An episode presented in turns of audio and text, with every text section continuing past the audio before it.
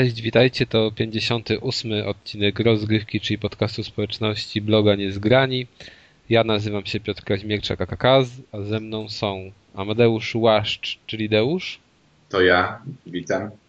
Piotr Kuldanek, czyli Kuldan. Ahoj. I po raz pierwszy na tenie Marcik Abramczuk, czyli no Marcin, widzisz? Ja znowu chciałem tak jak z Deuszem, zmieniłem końcówkę. Marcin Abramczuk, czyli Altairus. Witam. Dobra, panowie, zaczynamy sobie od newsa roku, czyli no, Deadly Premonition, gra z Xboxa 360, która też się ukazała na PS3, ale tylko w Japonii. Wyjdzie na konsolę Sony w przyszłym roku w wersji Director's Cut. W ogóle kiedyś słyszeliście, żeby jakaś gra się ukazała w edycji Director's Cut, bo... Resident Evil. Resident Evil kiedyś tam pierwszy, A, faktycznie, no, no, no. To na, na DS-a się ukazał też chyba w tej wersji. Nie, to jeszcze to był DS. A, Director's jakiś, Cut to się a- ukazał ten, no, jeszcze na PlayStation pierwsze. Tak, tak. No, No to, a, a wiadomo może, co tam, co, które elementy gry będą jakby z tych elementów cut będą wewnątrz tego, czy... Znaczy w ogóle to cut to jest jakieś bez sensu, bo na, ja jak czytałem sobie tę informację prasową na ten temat, to mnie zszokowało to, że na przykład, że będzie grafika HD w tym Director's Cut. I tak mówię, o co chodzi? To znaczy, że na Xboxie nie było tej grafiki HD? No i później się okazało, bo był jakiś wywiad z tym twórcą o ksywie Swery, czy jak to tam się czyta, nie wiem. I on tłumaczył, że to chodzi o to, że po prostu podnieśli, wiesz, z 720p na 1080. Doda dodali do tego jakieś, też było dziwnie napisane, że oprócz oryginalnego scenariusza, kompletnie nowy scenariusz. I o co chodzi? No i podobno ma to być, to nie, nie, nie wiem o co chodzi, bo tego nie wyjaśnił, ale powiedział, że ma to wyglądać tak, że będzie dodane na przykład, że będzie zmieniony trochę ending, że będzie trochę zmieniony nawet opening, że będą Mm. jakieś dodane sceny, ale że też były jakieś sceny, które oni wycięli, bo wydawca się nie zgadzał. No i nie będzie tych scen. Bo że nadal chyba są zbyt brutalne. No ale jakieś dodatki będą. Ma być też DLC, co jest w ogóle trochę słabe, bo robisz taką edycję niby pełną i dajesz miejsce na DLC. No i też nie wiadomo, co będzie w tym DLC. Mają zmienić sterowanie. Z tego co zrozumiałem, to tłumaczyli to w ten sposób, że będzie prawą gałką obsługa kamery, ale jakoś nie, nie jarzę jak to tam wyglądało. Wydaje mi się, że no- normalnie ta kamera tam chodziła. No i że strzelanie będzie zmienione i ma wyglądać tak jak w innych strzelankach, czyli że masz chyba triggerem. On to powiedział chyba, że butonem, ale Nie, to uważam, uważam, że trzeba Tak. zakupić edycję rozszerzoną, żeby móc strzelać triggerem. A w tak. 20 2012 roku na tej generacji konsol uważam, że takie opcje powinny być właśnie w edycji Director's Tak. Cut. I że starają się jeszcze pracować, znaczy pracują nad mapą, nad poprawą mapy, która była dla mnie jednym z najgorszych, albo nie, o ile nie najgorszym elementem tej gry. Ona była naprawdę fatalna. Tam nie pamiętam, nie dało się chyba przybliżać tego, jak patrzyłeś na główną mapę. Ona była strasznie duża, no, żenująco słaba. I to właśnie jedna pierwsza rzecz, na którą zwróciłem uwagę, która mi się mega nie podobała, to mapa. I on tutaj mówi, że nie wiadomo, no pracują, starają się, ale jakieś problemy napotkali. No w każdym razie będą, no będą robić co, co w ich stanie, żeby, żeby to naprawić. Czy żeby zrobić nową mapę, bo tego też do końca nie wiadomo, ale mam trochę czasu, bo też gdzieś czytałem, że nie wiem czy to prawda, bo w jednym miejscu chyba o tym było napisane, że to ma się, że na E3 dopiero ma być coś, jakieś nowe informacje. Więc to nie A wyjdzie tak wiadomo, w jakiej ona ma cenie wyjść? To będzie normalna premierowa? a tego nie jakiś tam wiadomo, ale nie, nie sądzę, wiesz? Skoro tamta już na Xboxa 20? była za 20 dolarów, to jeżeli tutaj walną cenę 200 zł, to będzie trochę przesada. Na pewno. Mimo, że to je- to jest gra, która jest warta tego, ale no wydając, wiesz, wcześniej na konsolę inną za 60 zł, no to jest trochę słabe. Ta gra jest warta 300 zł albo 400. No, no, no tak sobie... Dla mnie ona jest tyle warta nawet. Tyle, że no, pewnie i tak bym jej nie kupił za taką cenę. E, Dopiero po przejściu wiem, że warto.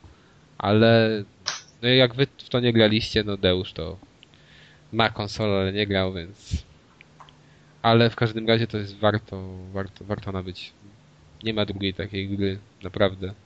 Dobra. Tak, to, Tak to zachwalałeś, że chciałem aż z Hongkongu to ściągnąć, ale już Ale nie ty- będę ty- musiał. Ty właśnie nie masz. Ty nie masz konsoli? Ty nie masz Xboxa? No nie, nie mam Xboxa. Jakoś mi się żyło, że masz, nie wiem. Nie, nie. A bo pewnie dlatego, że mam y, konto No Xboxowe. Mhm. od Warhammera. A, no to tak. No to, no to, ale z Hongkongu ci tam bez sensu, nie? Bo tam jakby Tak, tak. jest to i tak po japońsku, tylko że Tylko z- głosy są. Tak, dokładnie. No. Okej. Świetna gra kupować, jak tylko wyjdzie. Wszyscy czekamy. Gra generacji. No, gra dla mnie to, jak już kiedyś Tadeusz się zapytał, gra generacji to jest Deep Premonition, powiedziałem tak. Okej. Kolejna informacja. Sega wydaje następne remake'i, czy tam w zasadzie remastery swoich gier starych. I oczywiście nie jest to znów Shenmue, tylko będzie w tym zestawie, bo tak to zostało zaprezentowane na trailerze jako zestaw, ale tak w zasadzie nie wiadomo, czy to będzie zestaw, czy to będą osobne tytuły. W każdym razie mają się pojawić Virtua Fighter 2. No wiadomo, to każdy zna ten tytuł.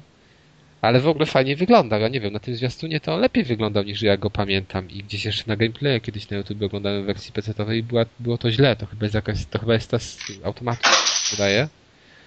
Virtua Striker. To też kojarzę z automatów. Nigdy w to nie umiałem grać i jak rzucałem żeton, to po chwili już musiałem odchodzić od automatu. Sonic the Fighters. O tym tytule to powiem szczerze, nawet nie słyszałem wcześniej. I to, To jest, jest bia- bijatyka z Nikiem. to jest bijatyka z Soniciem, ale to nawet ładnie wygląda. Jak na ten wiek, czyli 96 rok. Kolejna gra to jest Fighting Vipers. I tu ja, że tak właśnie coś mi ta nazwa mówiła i e, wpisałem sobie w Google i spojrzałem na obrazki i taka jest jakby główna bohaterka chyba pokazana na tych obrazkach i później też mi się znowu zdarzyło, że to na bank było na okładce Secret Service któregoś. Więc musiała to być dobra gra, skoro się znalazła na okładce Secret Service swego czasu, więc No. może będzie warto. I ostatni tytuł, czyli Virtual On, który jest nie znałem też wcześniej, spojrzałem na trailer i wychodzi mi, że to jest strzelanka z trzeciej osoby, w, których, w której to sterujemy takim robocikiem. Coś jak Gundam on trochę wygląda. I tyle. No ja w każdym razie tego Virtualona bym sobie zobaczył chętnie i, te, i Sonic the Fighters, ale jeżeli walną za to trzy dychy, to chyba będzie słabo. Mam nadzieję, że będzie w pełnej pełna kolekcja po prostu za, za taką cenę, to wtedy sądzę, że będzie warto. Arek wiem, że jeszcze się podniecał Virtua Striker i, i snuł takie marzenia, że może wprowadzą tryb online i będzie można sobie w to pograć. Ono, no oczywiście nie wprowadzą. No, oczy... Nie, no to jest... Nie, to niemożliwe. No jasne. Ale, ale mi się wydaje, że właśnie chyba Sega, Sega tak już będzie, będzie schyłek tej generacji, a Sega wyda już wszystko drugi raz oprócz Shenmue chyba właśnie. Tak, ona, Sega już będzie wydać, wydawać remake'i remake'ów. Te- O, oni, ale oni pewnie planują Shenmue na płycie wydać, wiesz, za dwie, dwie stówy. Po co na płycie? Można jak z okami za 8 dych na PSN-ie, no. To jest też dla mnie przegięcie totalne. Akurat tokami jest warte tego. A Okami już wyszło, się teraz... A ja Jeszcze powiem nie. że okami nie skończyłem na PlayStation 2. Znudziła mnie, no ale chętnie bym w to jeszcze raz zagrał, dałbym, dałbym szansę. Zwłaszcza, Natomiast, że mowa będzie obsługiwać. no o tak zwłaszcza, to ja ale, już zresztą, ale zresztą Okami to jest chyba taka gra, że ona jakby e, nie miała wcześniej swojej premiery i dopiero teraz wyszła w tej formie, w jakiej wychodzi, to z uwagi na styl graficzny i gameplay i wszystko, i by wyszła za tą cenę, to chyba, to chyba by ludziom to nie przeszkadzało, bo to jednak jest tytuł na parę dziesiąt godzin. No tak z No, 60. wygląda ślicznie w sumie też. Okami jest na 60 aż? Tak, tak, właśnie tyle mi zajęło przejście. Ja grałem w to, ale porzuciłem dosyć szybko, więc nie wiem na ile to jest. Myślałem, że to jest krótsze. Tak, bo to wydaje się jakby miało trwać 8-10 godzin, a później jeszcze dalszy ciąg i dalszy No. ciąg. No, no, tylko że to też jest gra taka trochę nieprzystająca, bo ona na przykład nie ma tego full voice actingu i są te gadki. No to taka Zelda jest. No, no, no, no więc mówię, dziwne, że oni za taką cenę to wydają, skoro, skoro inne gry takie wznawiane to są w mniejszych cenach, no, bez przesady. No, Ale jeszcze bibliotekę mają ciekawe. szeroką, jeszcze wznowią parę. Oj tak, ja chętnie bym chciał to Marko w Kri, żeby wznowili. Ale to, no właśnie to Sony chyba wydało. Sony, Sony. No, bo to zawsze w to chciałem zagrać, zawsze mnie korciło, nigdy nie miałem okazji. I teraz bym w to chętnie sobie pograł, no ale jak wydadzą za stówę, to oczywiście nie sięgnę. Dobrze. Ciekawe jak będziemy na przykład tak w roku 2020, tam generacje do przodu i, i, i kiedy przestaną wychodzić, gener- bo na przykład za, za, za, za dwie generacje w przód No, już remake'ów do robienia, czy na przykład czy będą wychodzić remake Gears of War na przykład, remake Gears of War. nie wiem, ale sądzę, że, za, że w następnej generacji, tak mi się wydaje, Gears of War Ultra HD. Nie, nie, nie, nie, że Tak, na pewno, kompa- Kompatybilność PS4. wsteczna, wiem. no, że będzie kompat- kompatybilność wsteczna tyle, że będzie to w Wiesz, ten sposób... PS3, PS3 też jak wychodziło miało kompatybilność Y, wsteczną. Tak, tak, tego się boję trochę, ale na, sądzę, że na pewno będą miały, będzie taka możliwość, że będziesz mógł pograć sobie w te gry, które kupiłeś w sklepach sieciowych. Na koncie już masz. Tak mi się wydaje. No ja też mam taką nadzieję. No, ja- jakby tego nie było, to- powiększać. No, jakby tego nie było, to, to mega porażka by była. Tak. No. Ale no i wydaje mi się, że kurczę, jak te tytuły na płytkach tak samo, no. no tak, ale no te, też, tylko że wiesz, na przykład mogą zrobić taki myk, że nie dadzą napędu. Nie, no jasne. Dadzą. Nie, Tak też chyba mi się to wydaje, też- że dadzą, ale teoretycznie Tak, mogą tak. coś takiego zrobić. Ze dwie, trzy generacje jeszcze możemy być spokojni o to. Ale jak sądzicie w ogóle, czy to kiedykolwiek będzie potrzeba, żeby robić remake'i? Bo tak w zasadzie, że wydaje mi się, że taką rzeczą, która by wymagała, znaczy taką sytuacją, która by wymagała zrobienia remake'u, byłoby wprowadzenie jakiejś nowej technologii, jeżeli chodzi o telewizory. W tym momencie mamy, mamy wysoką rozdzielczość i to jest standard już od iluś lat i nie, nie wydaje, nie, nic nie wskazuje na to, żeby to się miało zmienić. I co tu odnawiać? Tak w zasadzie. Tylko Chyba, że- rozdzielczość. no, no tak, no ale wiesz, no to co za problem podnieść Albo rozdział. 3D dorzucić, ale to nie wszyscy lubią. No ale to 3D już jest teraz tak w zasadzie i, też nie, nie ma takiego parcia, żeby to rzucać do każdego tytułu. E, opcje obsługi. Kinectem i Move'em. I podgrzewany Move. W, ogóle- w ogóle ty, ty Deusz, a Jarzysz, czy ktokolwiek korzystał z tego w Forcie? Forcie? Forzie? Forzie? w grach z serii Forza, czy tam w grze ostatniej z serii Forza. Czy ktoś A nie- korzystał z Kinecta, bo tak to reklamowali, a ja nigdy nie widziałem, żeby... Nie wiem, ja, ja, ja, nie, ja, ja nie znam nikogo. To znaczy w ogóle mało osób znam z Kinectem, tak bym policzył na palcach u jednej ręki, nawet jakbym dwa palce Jednym miał palcem. odcięte. Nie, właśnie. Na, policzyłbym na palcach jednej ręki z dwoma odciętymi palcami. No. I jeszcze jeden palec by mi został, także. Ta- Także tylu mam znajomych z Kinectem. Natomiast Ja bym Natomiast- chciał mieć Kinecta, powiem ci szczerze, ale właśnie to tylko do takiego, to żeby sobie w DNS... Jeju, to wiesz, to mieć, mie, mieć to ja bym chciał, wiesz, Wii U, ale O, o, inna, inna, inna sprawa z racjonalnym zakupem czegoś. A jeszcze jest, właśnie zapomnieliśmy powiedzieć, znaczy nie wpisaliśmy sobie w newsach, że Rayman Legends Ach, Spóźni się na premierę. No to jedna z gier takich, dla których no, To jak nie ma nic. kupić tę konsolę. Nie wiem, ale mi się wydaje, że jeżeli ktoś chce kupić Wii U, to nawet jak nie będzie miał Raymana, to i tak kupi, a Ja sądzę, jeżeli że jak ktoś... ktoś chce kupić Wii U, to jak nic nawet nie będzie to kupić. No właśnie, a jak wiesz, a jak ktoś nie chce kupić, to czy ten Rayman jest, czy nie, to żadna różnica. Nie wiem, Ale, ale, jest... ale, bo ja chcę cofnąć właśnie tak, przewinąć czas, bo złą formą użyję zdaniowo, bo, bo powiedziałeś Piotrek, że nawet jak nic nie będzie, ale nie nawet jak nic nie będzie, bo nic nie będzie, no to Nie no, no, po co słówko no, nawet dodajesz? padlet, to coś no, bez więcej. przesady tam, wiesz, będzie na No Tokitori, no do, a nie Tokitori też nie będzie. Zombie Nintendo. Land. Nintendo Land, tak. No i Mario będzie. Mario i Zombie U to są dwie, dwie takie, wiesz, według mnie będą to dobre gry. No może Zombie U się okaże takim red skillem. puszczać tylko Mario, Zeldę i... i No tak, A a no, a Mario- tylko to wypuszczać, no to. A zauważcie, że może właśnie Rayman, nie Mario, tylko Rayman został przeniesiony, bo po prostu się boi konkurencji ze strony y, Zombie U. Nie, ja sądzę, na pewno Mariana, bo Mariana się może bać, bo to teoretycznie są bardzo podobne gry. Więc to dziwne, że wyszłyby dwie platformówki 2D w tym samym czasie. To jest Ale my się, ale my się tak śmiejemy, śmiejemy, ale to Wii U się jednak wyprzedało, tak, ze sklepów te dane, które mówią. No ale to jeszcze, ja sądzę, że to na pewno się sprzeda na premierze, bo wszystkie te konsole Nintendo w miarę szybko, przynajmniej ostatnie, schodziły. To z 3DS-em przecież problem się pojawił, gdy ludzie zauważyli, że nie ma gier. No ale już wtedy Którzy mieli ludzie tak, zorientowali się, co kupili. No właśnie. Tak jak cholera kupiłem 3DS-a, no nie. Ale wiesz co, jak widziałem sobie, jak wklejałem niedawno zdjęcia y, tam 3DS-a y, tego XL, gdzie Japonka go trzyma w dłoniach, no i to takie się wydało fajne, duże. I jakoś po tym czasie sięgnąłem po paru dniach po, po mojego 3DS-a i, i, i tak zacząłem się zastanawiać, że kurde, chyba ten większy by lep, dał radę bardziej. No ale, To jest ale, trochę małe. Ale za to ten, ten e, XL 3DS, tak, wersja XL razem z tym dołączanym D-padem, tak, z tym, Jak Frankensteinem.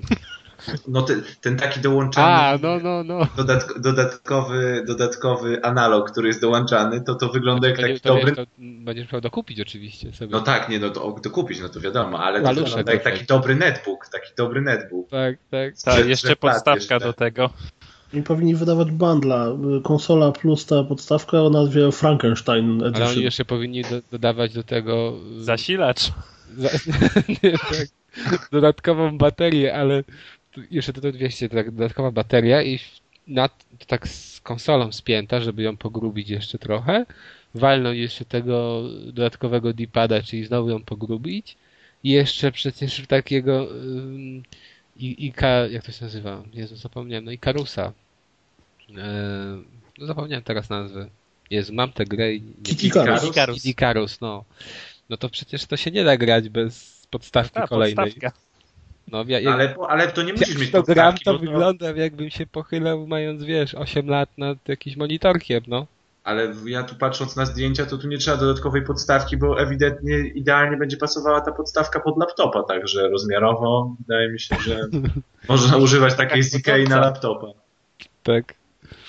Ale nie, nie, nie, naprawdę tutaj trochę przesadzili, ale wiesz co, na, jeżeli bym miał teraz wybierać konsolkę, to bym wybrał chyba tę wersję większą, bo ona, no, ta magia tego dużego ekranu chyba robi swoje, to już mi się... Ma magia większego piksela, tak po prostu. tak, ma, magia A większego... gdybym ja miał wybierać jeszcze raz 3DS-a, to bym go nie wybrał.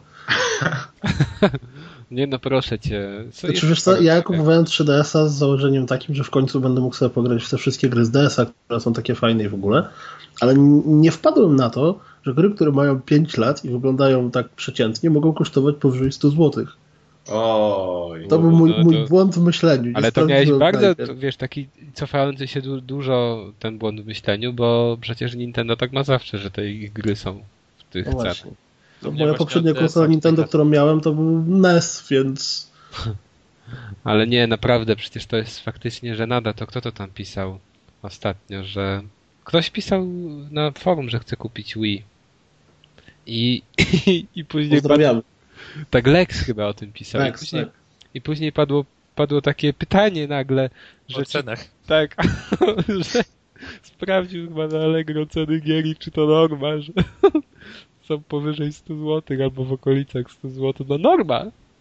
Najlepsze gry, jedyne gry warte uwagi, czy większość gier warta uwagi na Wii to są w takich kwotach. Tyle, że to tak jak jest Kamil, autentycznie straszne. No kurczę, kupujesz konsolę, straszne, która ma parę że- lat, kupujesz grę, która ma parę lat i płacisz za nią tyle co, no okej, no nie może tyle co za nówkę, ale prawie, prawie, tyle. no, Za półroczny tytuł. więcej niż za Deadly Premonition na starcie. Nie wiem, najgorsze jest to, że w sumie to nie tylko chodzi o to, że w Polsce nie ma dystrybucji, bo jak się tam patrzy po Amazonie czy po jakiejś Zawi, Tak, one są Tak, to takie są ceny. takie same, to jest straszne. No dwadzieścia kilka Straszne. funtów za grę z DS-a, także... No.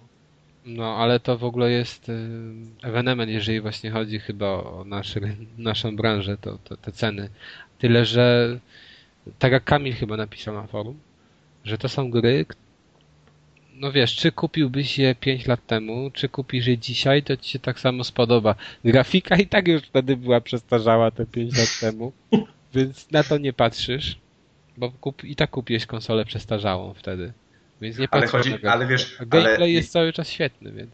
no tak, ale na No. przykład jak masz gry z 3DS-a, y, z 3DS-a, mówię z DS-a, to czy na przykład kupując, jak ja kupuję grę na Vita albo nawet na dużą konsolę na premierze, załóżmy grę ze 159 zł i kupuję za 100, za taką samą cenę albo tam 10-20 zł taniej profesora Laytona i grając, oczywiście profesor Layton jest świetną grą, bo, bo ja wydałem tam, tam ponad 100 zł za, za, za trzy profesory Laytony, ale chodzi mi o to, że jakby widzę, widzę grę na dużym ekranie, gdzie pracowało tam, wiadomo, jakieś y, stworzenie grafiki 3D, gameplayu, jakieś obiektowe programowanie i tak dalej, się na tym nie znam, ale masa pracy. A tu mam zwykłe, wiesz, rysowane sprite'y, okej, artysta i tak dalej, ale rysowane sprite'y i ja wiem, że produkcja tej gry kosztowała dużo, dużo, dużo, dużo, dużo, dużo, dużo mniej niż takiego dużego tytułu, a sprzedawane to jest za tą samą cenę. Ale wiesz co, to jest generalnie Więc chyba chodzi mi o tą, problem przy, całego chodzi mi o rynku. tą przybitkę. Tak, Wiesz, ale to jest problem generalnie całego rynku, że na premierze jakiś totalny krab, który jest filmówką i dostaje recenzję typu, wiesz, 3 na 10, kosztuje tyle samo, co, nie wiem, najnowszy Assassin's Creed. Tak, ale generalnie jest, problem, że, że, że koszty wyprodukowania danego tytułu Nie nie, wpływają w żaden bezpośredni sposób na jego cenę. Jest ustalona sztywna półka, że nowe tytuły kosztują tamte około 200 zł, te tytuły takie nie do końca główne kosztują około 180, a tam, wiesz, nie wiem, przeceny po, po 120. no nie, Nie nawet ważne, co to jest nie za gra, Wiesz, przeważnie to jest jeden połap, nie? W okolica, okolice 200 tak, w 200 okolicy zł. 200 zł. No a tak w zasadzie jakie Tak, taka sama była sytuacja na przykład jak, jak wychodziła załóżmy Vita i, i było, że wiesz, gry na App Store, ale tylko ci powiem, że gry na App Store tam załóżmy kosztują dolara i tak dalej. I ja widzę, że one są rysowane i ja za nie zapłacę dolara i tam pogram w nie przez chwilę, i, ale gry na Vita są drogie i, i gry na przenośną konsolę nie powinny być tak drogie, ale jak ja widzę właśnie Uncharted, y, tą złotą otchłań, która wyszła, zagrałem i zobaczyłem ją na tym ekranie, to okej, to ja grając jakby w inne gry w, tam, w tym pułapie cenowym, jestem w stanie uwierzyć, że 150 zł za tą grę na premierze, to tak, to tyle kosztował proces produkcyjny wyprodukowania tak rozległej i zaawansowanej gry. I wiesz, ja to łykam, a, a w tych grach na DS-a ja po prostu wiem, że te pieniądze gdzieś ulatują na tą przebitkę, na ten taki zarobek i że... No ale słuchaj, jedno co jest po prostu masakryczne w tej kwestii, to że y, Phoenix Wright, ta pierwsza część na DS-a dalej chyba kosztuje myślę, że spokojnie powyżej stówy, a został wydany na iPhone'a i iStore'a tam to nie za 10 zł. Ta sama Tak, gra, no to ta- ta- ta- ta sama gra. To samo jest z Ghost Trickiem, który w momencie, kiedy wychodził na iPhone'a też za, za, za, za jakieś grosze. Za darmo kosztuje- nawet był w pewnym Czy, momencie. czy był w pewnym momencie za darmo, kosztuje 140 zł. No to jest, Ja- to jest to właśnie jest- paranoja handheldów, że i to tak zawsze było, bo jeżeli pamiętacie Game Boye, no to przecież te ceny też były e, rzędu nowych gier. Wtedy jeszcze kupowałem w większości na PC-cie, no to były droższe niż PC-towe gry. Gry na Game można by wywnioskować w takim wypadku, że jeżeli na iPhone'a kosztuje 10 zł, a w wersji na cartridge kosztuje 100, to 90 zł kosztuje cartridge. No i właśnie dlatego wcześniej nie można było tych cen zbić, a teraz to przynajmniej przez internet można by kupić. No tak, tyle, że przez internet Tak, masz, Nintendo. no, tylko, że przez in- internet masz za magiczną cenę 189-20 groszy. Na przykład nowe Mario. I to jeszcze oczywiście bierz pod uwagę, że kupisz jedną czy dwie takie gry, to musisz kolejną kartę kupić, bo, bo ci się nie zmieści na tej karcie, którą ci dali do konsoli. Gry chyba są do jednej konsoli przypisane, tak? E, tak, do jednej konsoli. O Boże. Możesz karty, mie- mie- mieć parę kart, ale do jednej konsoli. Ale najlepsze jest to, że jak ja tam czytam, bo ja tak Ale chyba to- wcześniej też było przypisane, prawda? Przy DS-ie też. No do- tak, tyle, No że tak. to wiesz co tam to był DSi dopiero, który miał taką funkcję, że tam mogłeś ściągać coś. A Czyli jak się zepsuje konsola, to kaput. jak się zepsuje konsola, no to pisałem o tym. To możesz wysłać do. Ja nawet pytałem się o to polskiego przedstawiciela Nintendo, że możesz do nich wysłać konsolkę i chyba drugą konsolkę, którą kupisz. W sensie fizycznie egzemplarz do nich musisz wysłać? Tak, fizycznie musisz egzemplarz do nich wysłać i wtedy oni jakoś ci to mogą przegrać. Czyli może- ogólnie nikomu może, się tego nie nie będzie tak. chciało. Znaczy, Ale bo jak tak, ci ja ukradną, mnie spotkał z SingStarem w pewnym sensie ten motyw, bo y, piosenki, które się dokupuje ze sklepiku też są dopisane do tak, konsoli. możesz... Tylko to działało tak, że dzwonisz na infolinie, Tak. mówisz, taki miałem numer konsoli, która nie działa, taki mam numer konsoli, która działa. Pani Tak, mówi, tak. okej, proszę za 5 minut Ale zejścia. tutaj tak nie jest, bo tutaj, y, bo wiesz, bo masz, no bo tu nie masz konta. Tak w zasadzie, tu nie jest twoje konto konsolowe, znaczy, które tworzysz. Masz tam swoje niby takie konto, ale na, jak na PlayStation 3. Tyle, że to jest takie konto wewnątrz tylko konsoli. Ono nie obowiązuje w tym sklepiku jakby. Czyli konto użytkownika, a nie konto No, tak. sklepikowe. Tak, tak, tak. I wtedy oni tego nie, nie biorą pod uwagę, że, że to ty kupowałeś. Nie wiedzą na przykład, że ty kupowałeś z tego konta, więc musisz mieć chyba fizycznie te konsole, żeby ci to przenieśli. I to i muszą mieć oni. I to jest, to są cyrki, bo jak na przykład ci skradną, to nie masz możliwości wymiany, bo nie wiedzą, że ty to kupiłeś. Że ty to jesteś ty. I to jest, no, poronione. No w każdym razie, yy, powiedzcie mi, gdzie my jesteśmy. Na początku. No, na początku. No, ale to już Byli, jest problem. byliśmy przy Sedze, coś tam o Shenmue zaczęliśmy. Tak, ale skończyliśmy z Segą. No w każdym razie, tak jak Kamil powiedział, że to, że ja też mam takie wrażenie, że w końcu handheldy padną. Bo te ceny wykończą. Ceny gier wykończą te sprzęty. I, i skończy się na smartfonach. Znaczy wiesz, nie wiem, na Vita na przykład pojawiają się jakieś takie pierdółki. Pojawiła się gra, która się nazywała e, Sunflowers bodajże. I jest to taka po prostu totalna pierdółka typowo telefonowa, gdzie masz Aha. słoneczko, klikasz sobie i słoneczko puszcza promyki słońca, które muszą podlewać kwiatki. Po Mhm. prostu dokładnie jak gra z telefonu, nie? No i może to jest rozwiązanie. Ale nie, właśnie, ale pytanie, to po po co właśnie? Wydaje- wydaje mi się właśnie- z niej zadzwonić. to ja, to ja teraz ci odpowiem, bo ja mam zarówno Vita, mam smartfona i mam teraz tablet. I No. jakby się, i się poruszam na tych trzech systemach. I dla mnie to jest To Jeszcze nie jest żadne MP3 rozwiązanie na Wicie, bo kiedy wychodzą badania, które mówią, że 50% Polaków ma, wiesz, smartfona, 50% to jest strasznie dużo. I Tak? To takie są badania? 50%? tak, 50% użytkowników komórek to, to komórką jest smartfon, więc, więc No wydaje mi się, że to jest bardzo telefony to dużo. są smartfony w sumie. I zauważ, i, zau, i ja nie mówię już wśród osób zainteresowanych, załóżmy, grami i technologią, bo ten procent jest pewnie jeszcze większy. Więc noszenie Wity dodatkowo oprócz telefonu, żeby mieć na niej gry telefonowe, Wity załóżmy noszenie w pokrowcu, w ogóle No, sensu. celem. Jak już bierzesz gdziekolwiek tablet, i, bo wiesz, że będziesz miał tam 10 minut patrzenia na necie albo e, w internecie, albo po, po, po, tam popykania w jakąś gierkę, to bierzesz tylko jego. Nie będę brał kolejnego urządzenia do gier telefonowych, bo to są Ale- gry telefonowe, sama nazwa, wiesz, Słuchajcie, Deusz, gdybyś miał 3DS-a, to byś myślał inaczej. Jestem podniecony, powiem ci szczerze, targami teraz, na które pójdę za tydzień, bo zdobędę Street Passa. Może. Ale na Wicie masz Nira, więc to też tam No ale wiesz, to powiedzmy, działa. że to, ale to nie ma tej magii, no. no Nira to tam wychwytuje ile? Całe kilometry od ciebie. półtorej a tutaj- kilometra. A tutaj to musisz się my, koło siebie przejść praktycznie, żeby ci złapało.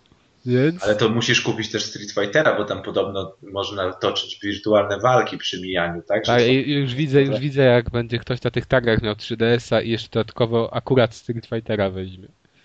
Ja wezmę po prostu 3DS-a i będę wirtualnie toczył walki, ale nie wiem. W To w myślach. ogóle jeszcze z tym Nirem to, to jest w sumie zabawne, bo Vita się tak strasznie słabo sprzedaje, a mnie zadziwia, że gdziekolwiek jestem, jak odpalę tą aplikację, to zawsze mi pojawia się, nie wiem, co najmniej 5-6 osób, nawet tu mnie. co najmniej Gdzie 5-6 mieszkam? osób. Powiem ci, że No, ja ale we to Wrocławiu, 5-6 osób na całą Warszawę na przykład. Nie, nie, no słuchaj, ja mieszkam nie, przecież więcej. Pod Warszawą z 30 km, czy tam z 20 mniej więcej, małe miasteczko i w zasięgu mojego małego miasteczka znalazło mi 8, 8 osób, które mają Witę. I myślałem, że to jest jakiś błąd, że to tak nie działa, więc wysłałem wiadomości, że sorry, wy jesteście tutaj stąd? Tak. Mieszkam tam i tam. A, Słabo. Poznaj Ja- dziewczynę dzięki Nirze. no to ja ci powiem, że w tym momencie we Wrocławiu, w miejscu, gdzie mieszkam, z mojego domu, tam nie wiem, ten niż zatacza tam promień koła tam półtora kilometra, 50 wit łapie, czasami A, ponad ładnie. 50. A w tej wypożyczalni wideo też? Łapie coś? Ale nie wiem. Nie wiem. Nie wiem, czy tam właściciel ma. No, on ma jeszcze kasety wideo, to, pewnie nie Nie no, to tak naprawdę właśnie jest zaskakujące dla mnie, nie? No bo ja się nie spodziewałem, że tu ktoś w okolicy będzie miał Witę. A może to tak działa, że po prostu wiecie, że, że, ci, że ci użytkownicy Wity to ma, są jakoś tak zaprogramowani przez Sony, może więcej reklam w tym rejonie albo coś. I akurat macie. Nie wiem. Ja jeszcze nie zrozumiałem w ogóle funkcji działania tego jakby Nira, że jakby jeszcze nic nie dostałem oprócz tego, że wiem ile osób gra w okolicy tak naprawdę. A, to widzisz, ja już dostałem. No już Piotr Są tutaj, normalnie te mapki do tej takiej darmowej gry tam, jak to się nazywa, ciężko do gromu nazwać, aplikacji. Przecież my się wymieniliśmy nawet tymi mapkami. No ale to my się wymieniliśmy, widzisz, przez y, wiadomość y, z y, PSN-u, a jeżeli ktoś znajdzie się wokół ciebie, to wtedy może ją pobrać nawet bez wymieniania wiadomości. A, Wow. Ja Aplikacja jest, ta aplikacja jest zrobiona pod to, że ty oprócz tego, że możesz grać tylko i wyłącznie na mapkach, które ściągniesz od innych graczy, a oprócz tego możesz zrobić swoją mapkę i ją tak jakby udostępniać. I wszyscy ludzie, którzy znajdą się w zasięgu twojego Nira, automatycznie ją sobie pobierają. Ja niestety twojej mapki nie przeszedłem, także. A, widzisz. Hardcore. Ale wbrew pozorom na Wicie jest w co grać, bo są gry z PSP. No fajnie. A na tak. DS-a? Kupiłem Herkulesa, także jak To tak jak to, coś... ja, to ja rozumiem, że ideą 3DS-a i ideą Vity jest granie w gry ze starej konsoli, tak? A ideą, a ideą PS3 jest granie w kolekcję Segi starą i Xboxa 360. Tak, właśnie. Capcomu. No, o, ale w ogóle ale ten Capcom to już mnie po prostu doprowadza do szału. Chciałem kupić Asurę y, Rough i cały czas poluję i cały czas jest też jak Nintendo na takim pułapie cenowym. I ja nie wiem A. o co chodzi. Po Na 13 żadnej- funtów ostatnio była. O, właśnie. Tak? Ale Była- wiesz, bo to, to kupisz, teraz za stać. 13 funtów i będziesz musiał jeszcze dokupić jakieś 13 DLC. No, ja chcę, z, ja chcę z Raju tam walczyć, a żeby walczyć z Raju, to muszę kupić DLC. Jest chyba zakończenie jest w ogóle na DLC. Ugotowany. Ja czekam teraz, wiecie, na te, nie na remake, tylko na te Ultra Edition, tyle że nie wiadomo, czy wyjdzie akurat do tej Azura gry. pewnie nie będzie miała. No i to... No, Bo i, to tylko w bijatykach. no nie, to we wszystkich Capcomowych popularnych. I w ogóle w Residentach też jest masa przecież już. No ale Resident to jest w plusie, to jest darmowy. No piątka. Tak, właśnie. No to może będzie szóstka za dwa lata. Też Ale czekam. pewnie będę miał okazję niedługo pograć w Residenta, więc zobaczymy. Ja sądzę, że jeszcze- nie dali rady, ale bo już Tak. strzela propos, to ja się strasznie zastanawiam, co będzie na Wicie w ramach Plusa, no bo na Witę raczej chyba nie będą dawać dużych gier z Wity, może bo z to by się szybko Tak, Tak, skończyły. z PSP. Ale, ale już chyba była, było przy którejś aktualizacji kilka, przy, nie wiem, dwie aktualizacje temu, że użytkownicy PS Plusa, tego PS trójkowego, dostali jakąś grę na PSP i mogli ją ściągnąć na Wicie i grać. Wiadomo, że to jest tam jakiś tam pierdoła i tak dalej, no ale jak ktoś ma Plusa na PS3 i Vita, to w tą grę z PSP, którą dostał, może sobie zagrać na Wicie. Ja tutaj mogę się mylić, bo może nie pamiętam, ale wydaje mi się, że na początku, jak, było, jak jeszcze dawno temu nie było Wity i tylko był Plus i było PSP, to pojawiała się chyba gra na PSP, które mogłeś sobie ściągać na, na PSP z Plusa. Na pewno z A, minisami nie- tak można było robić, pamiętam. to na 100%. Ale na PSP To chyba może były też. promocje tylko jakieś. Albo minisy. Znaczy minisy na 100%, bo minisy co miesiąc był Tak. chyba jeden czy dwa minisy za darmo, ale chyba jakieś tam O. gry na PSP też. Nie, a może Możliwe. były też na PlayStation pierwsza. Też możliwe. Dobra, ale panowie, mamy 30 minut ponad. Wszyscy się będą cieszyć. A, Co, przepraszam, źle ci się ze mną rozmawia? Czy, czy ty mi wypominasz? Nie, ja strasznie lubię słuchać długich podcastów. Wypominam, Ja też. Ale jesteśmy przy drugim newsie, jeszcze nam tylko trzy zostały, także to już po, mamy po 15 minut na newsa. a później mamy gry bardzo, bardzo krótkie, więc w sumie masz rację. Po 15 minut na newsa. Po Ale 3 to- minuty na grę. Nie przesadzaj, dysk, dysk ci się nie skończy. Ej, uważaj! Nie sprawdzałem, ale jest dziś na wy- wykończeniu, więc Jest na czerwono już, tak? W eksploratorze plików. musimy kończyć, bo jest, zostało 40 minut. Dobra. E, Genialny news, piękny.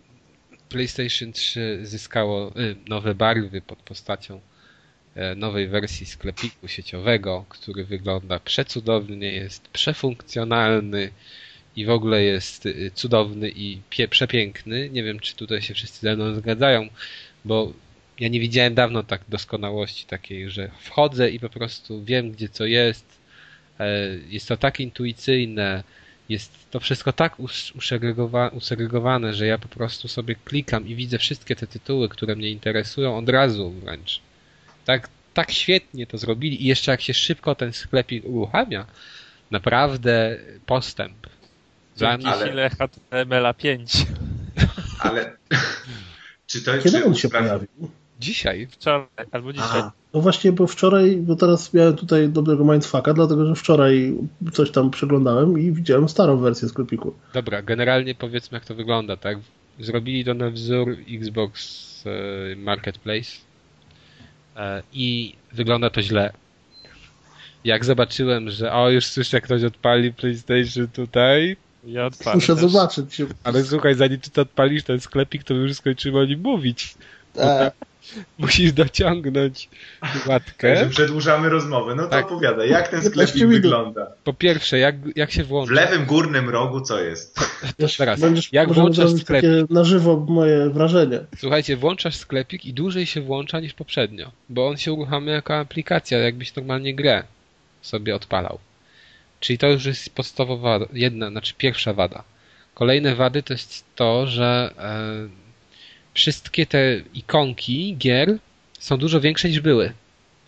Ze cztery razy. No i dlatego i, i po prostu, no, e, brzydko mówiąc, są oczojebne, To jest dla osób, które słabo widzą z daleka. Tak, dokładnie. A jeszcze jest jeszcze większy e, schiz, gdy wchodzisz sobie i przeglądasz coś i masz pół ekranu zajęte na reklamę 10% taniej z PlayStation Plusem, czy coś w tym stylu, a, re, a połowę ekranu tylko zajmują te, te, te gry, które widzisz i wiesz, i tylko 8 widzisz naraz. I musisz przejeżdżać cały czas w dół, w dół, w dół, żeby zobaczyć kolejne. Gdzie tego, gdzie po prostu jak w poprzedniej wersji było tego więcej i na jednej planszy widziałeś dużo więcej tych gier. Teraz jest tego mniej. Ja nie wiem, jaki, co to, ja- jaki to cel ma. Chyba taki, żeby mnie wnerwić. Kolejna rzecz, że oczywiście tam pozmieniali zakładki i w ogóle, tyle, że one nadal nie działają tak, jak powinny. Powiedzmy, że wchodziłem dzisiaj i sprawdzałem na przykład PlayStation Plus Exclusives i no dobra, no patrzę i tam jest Double Dragon, no ale już na przykład da, dlaczego jest w ekskluzyw do PlayStation 3, 3, a nie ma w ogóle w plusie w tych darmowych grach tego Double Dragon? No przecież on jest jako darmowa gra i przecież można ją ściągnąć też nie tylko użytkownik plusa. Więc totalnie to jest poronione, tak jak było w poprzedniej wersji sklepiku. Więc ja tu nie widzę żadnej, żadnego usprawnienia funkcjonalności, chyba że to szybciej działa, no nie ściągałem nic. Ale yy, Marcin chyba coś tam ściągał. Tak, próbowałem ściągać, jeszcze plusa nie widzi w tej chwili. No to kolejny plus, że nie widzi plusa. Nie, No, ale na Nie razie można ze zniżką. Nie można ze zniżką kupować w tej chwili. Tak, jeszcze cię naciągnie, będziesz kupował za kasę. Tak, tak. No, nie, nie, ja nie widzę żadnego usprawnienia, naprawdę. Nie podoba mi się ta wersja sklepiku. Mam nadzieję, że pokombinują, żeby chociaż była szybsza. Na I że- pewno. Na pe od, od, tylu, od, tylu tych, Tak. od tylu lat ten sklep coraz z miesiąca na miesiąc jest szybszy, I ładniejszy. więc, więc myślę, że teraz się szykuje rewolucja już. Tak. Na Vita też coś, coś zmieniło? Chyba tak. Na pewno jest też ładniej. To, Już to, będę to, to, w, takim razie, w takim razie musicie poczekać. Przedłużajcie rozmowę, przedłużajcie. Dobrze. Kończymy, Deuszu, niestety. Wyszedłeś. Nie będziesz wiedział o ciekawym projekcie Nie. na Kickstarterze, o którym nic nie wiem. Nie wiem, kto to napisał. Ten, kto... Ja napisałem. O co chodzi? To jest ta gra, Ko- która naj... najwięcej kasy... Kojarzycie może taką serię Total Annihilation? No, Tak jest. No właśnie, później był jeszcze Supreme Commander i właśnie od tych samych ludzi teraz powstaje e, Planetary Annihilation. Może zobaczcie filmiki na Kickstarterze czy coś takiego. E, ogólnie gra się prezentuje podobnie jak Total Annihilation, tylko że rozgrywka będzie się przenosić y, też w kosmos. Wow, zebrali ponad 2 miliony. Tak, zebrali 2 miliony. Na przykład można będzie asteroidów używać, żeby w planety walić.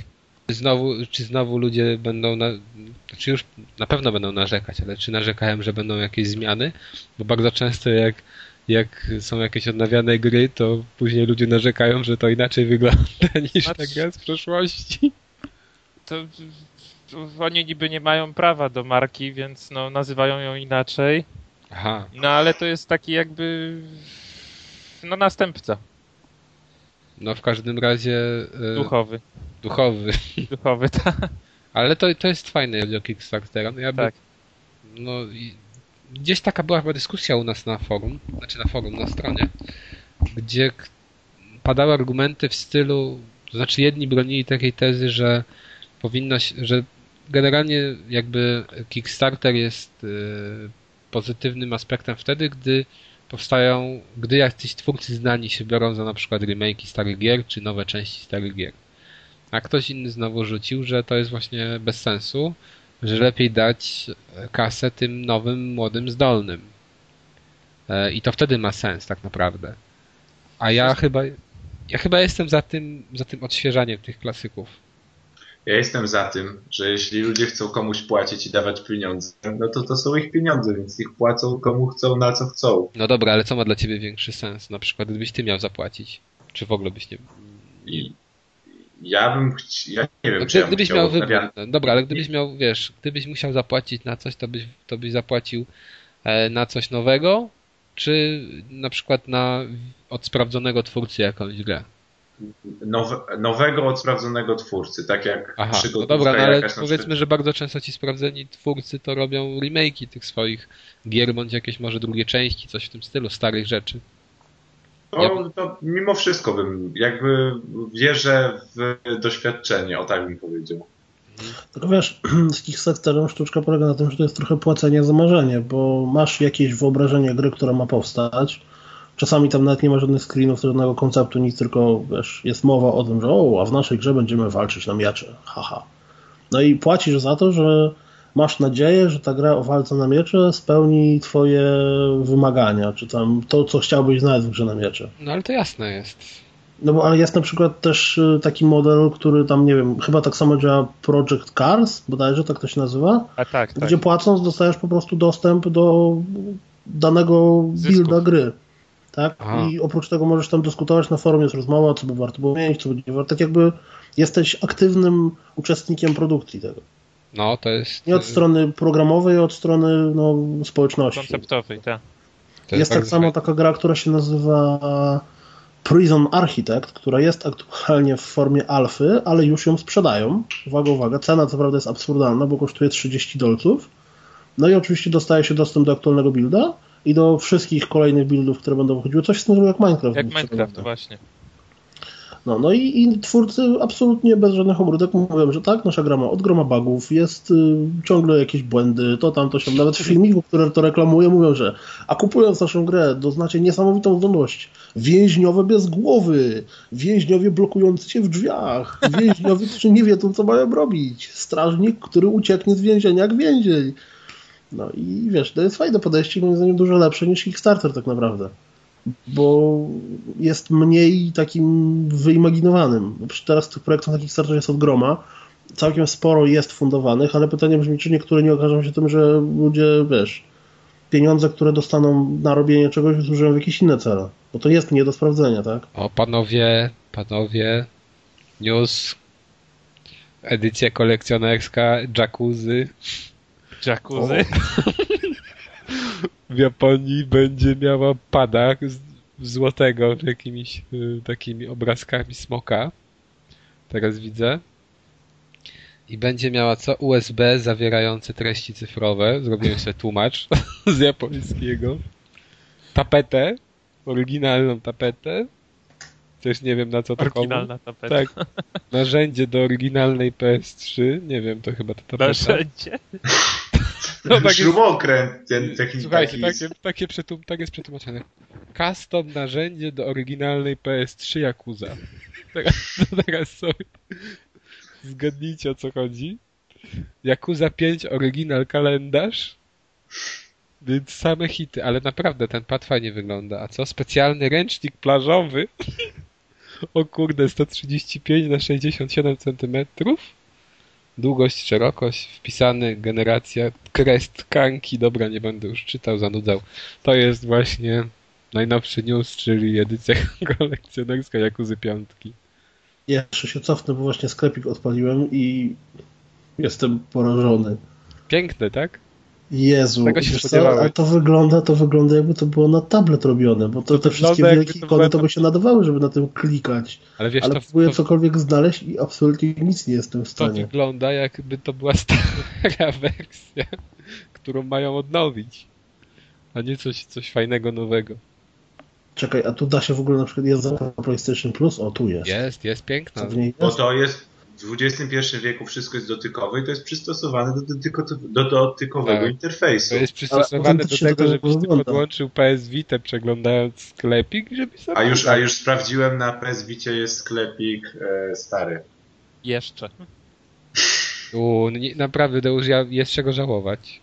Oni się boją, że jakby go wrzucili na Vita, to przestałby w ogóle działać.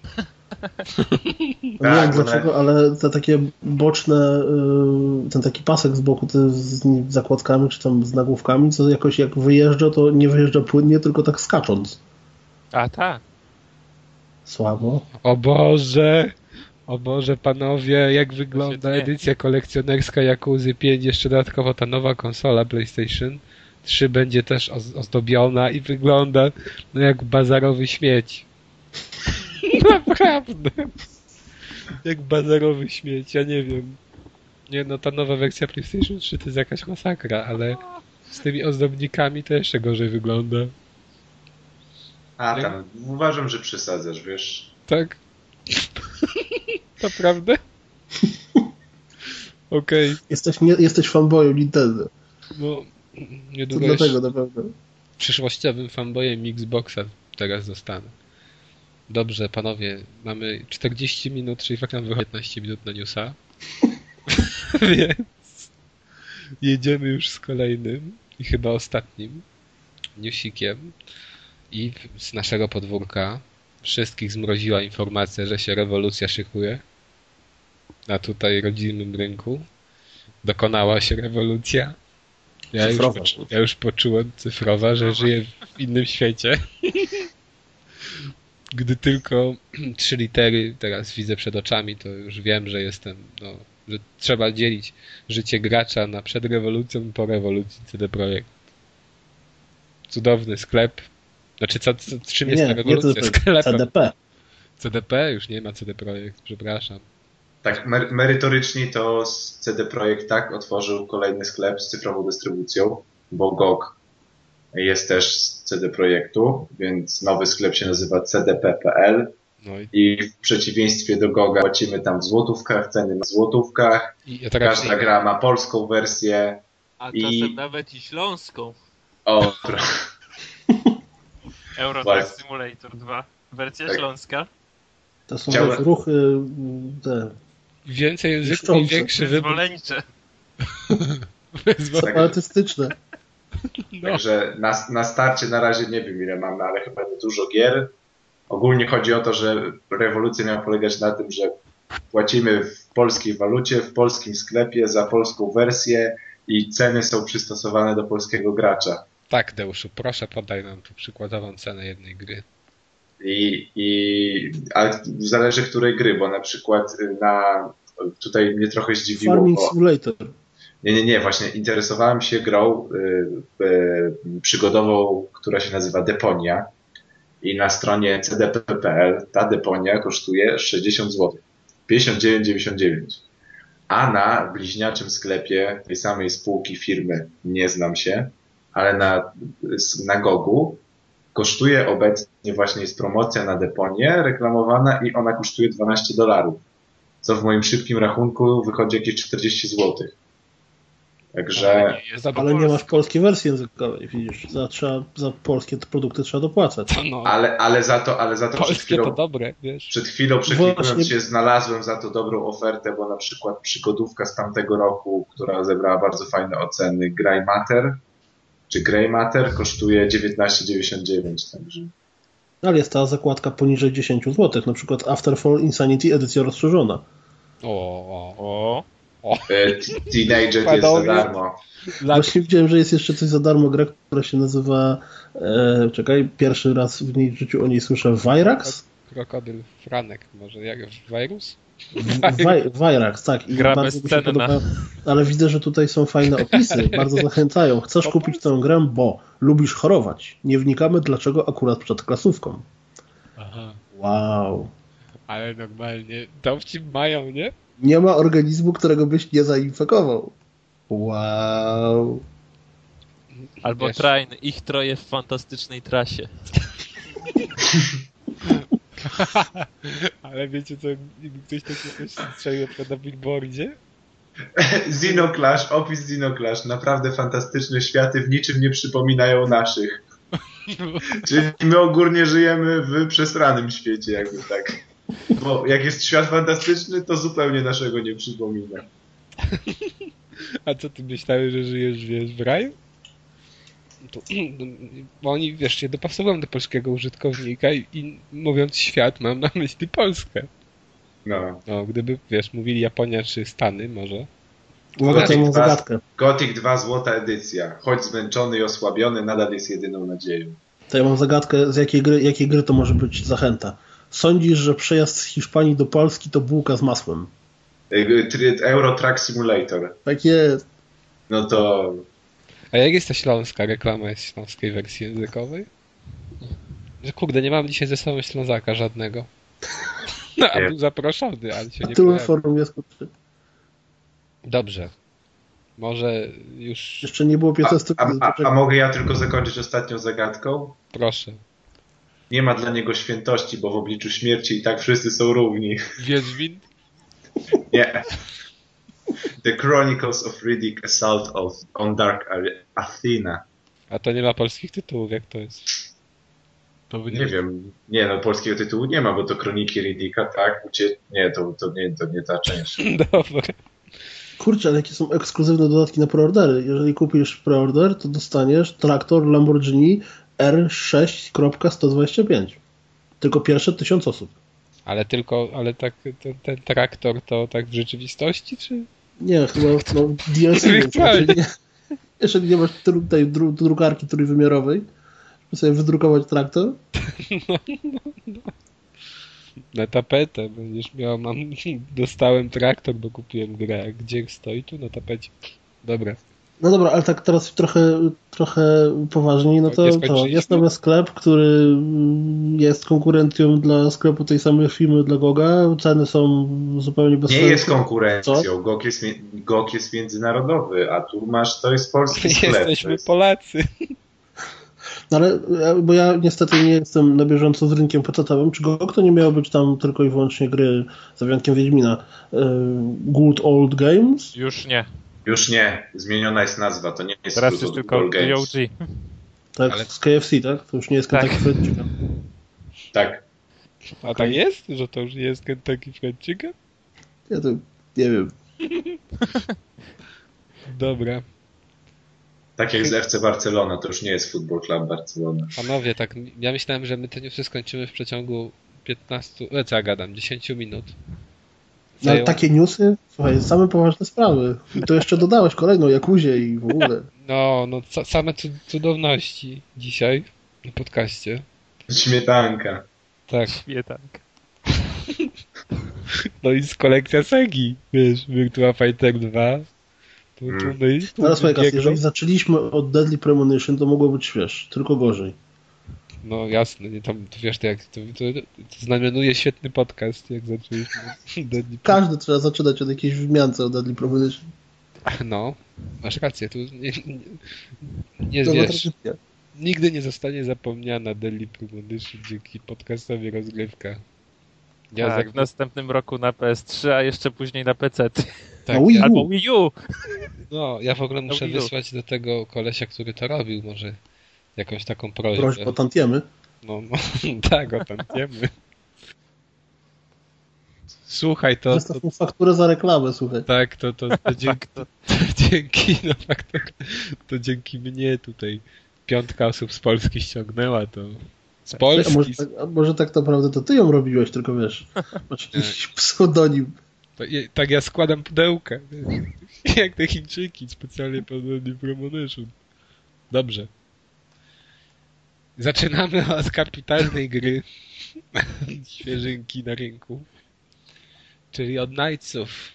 Ale konkretnie Knightsów HD, a dokładnie to się nazywa Knights into Dreams HD, która wygląda źle.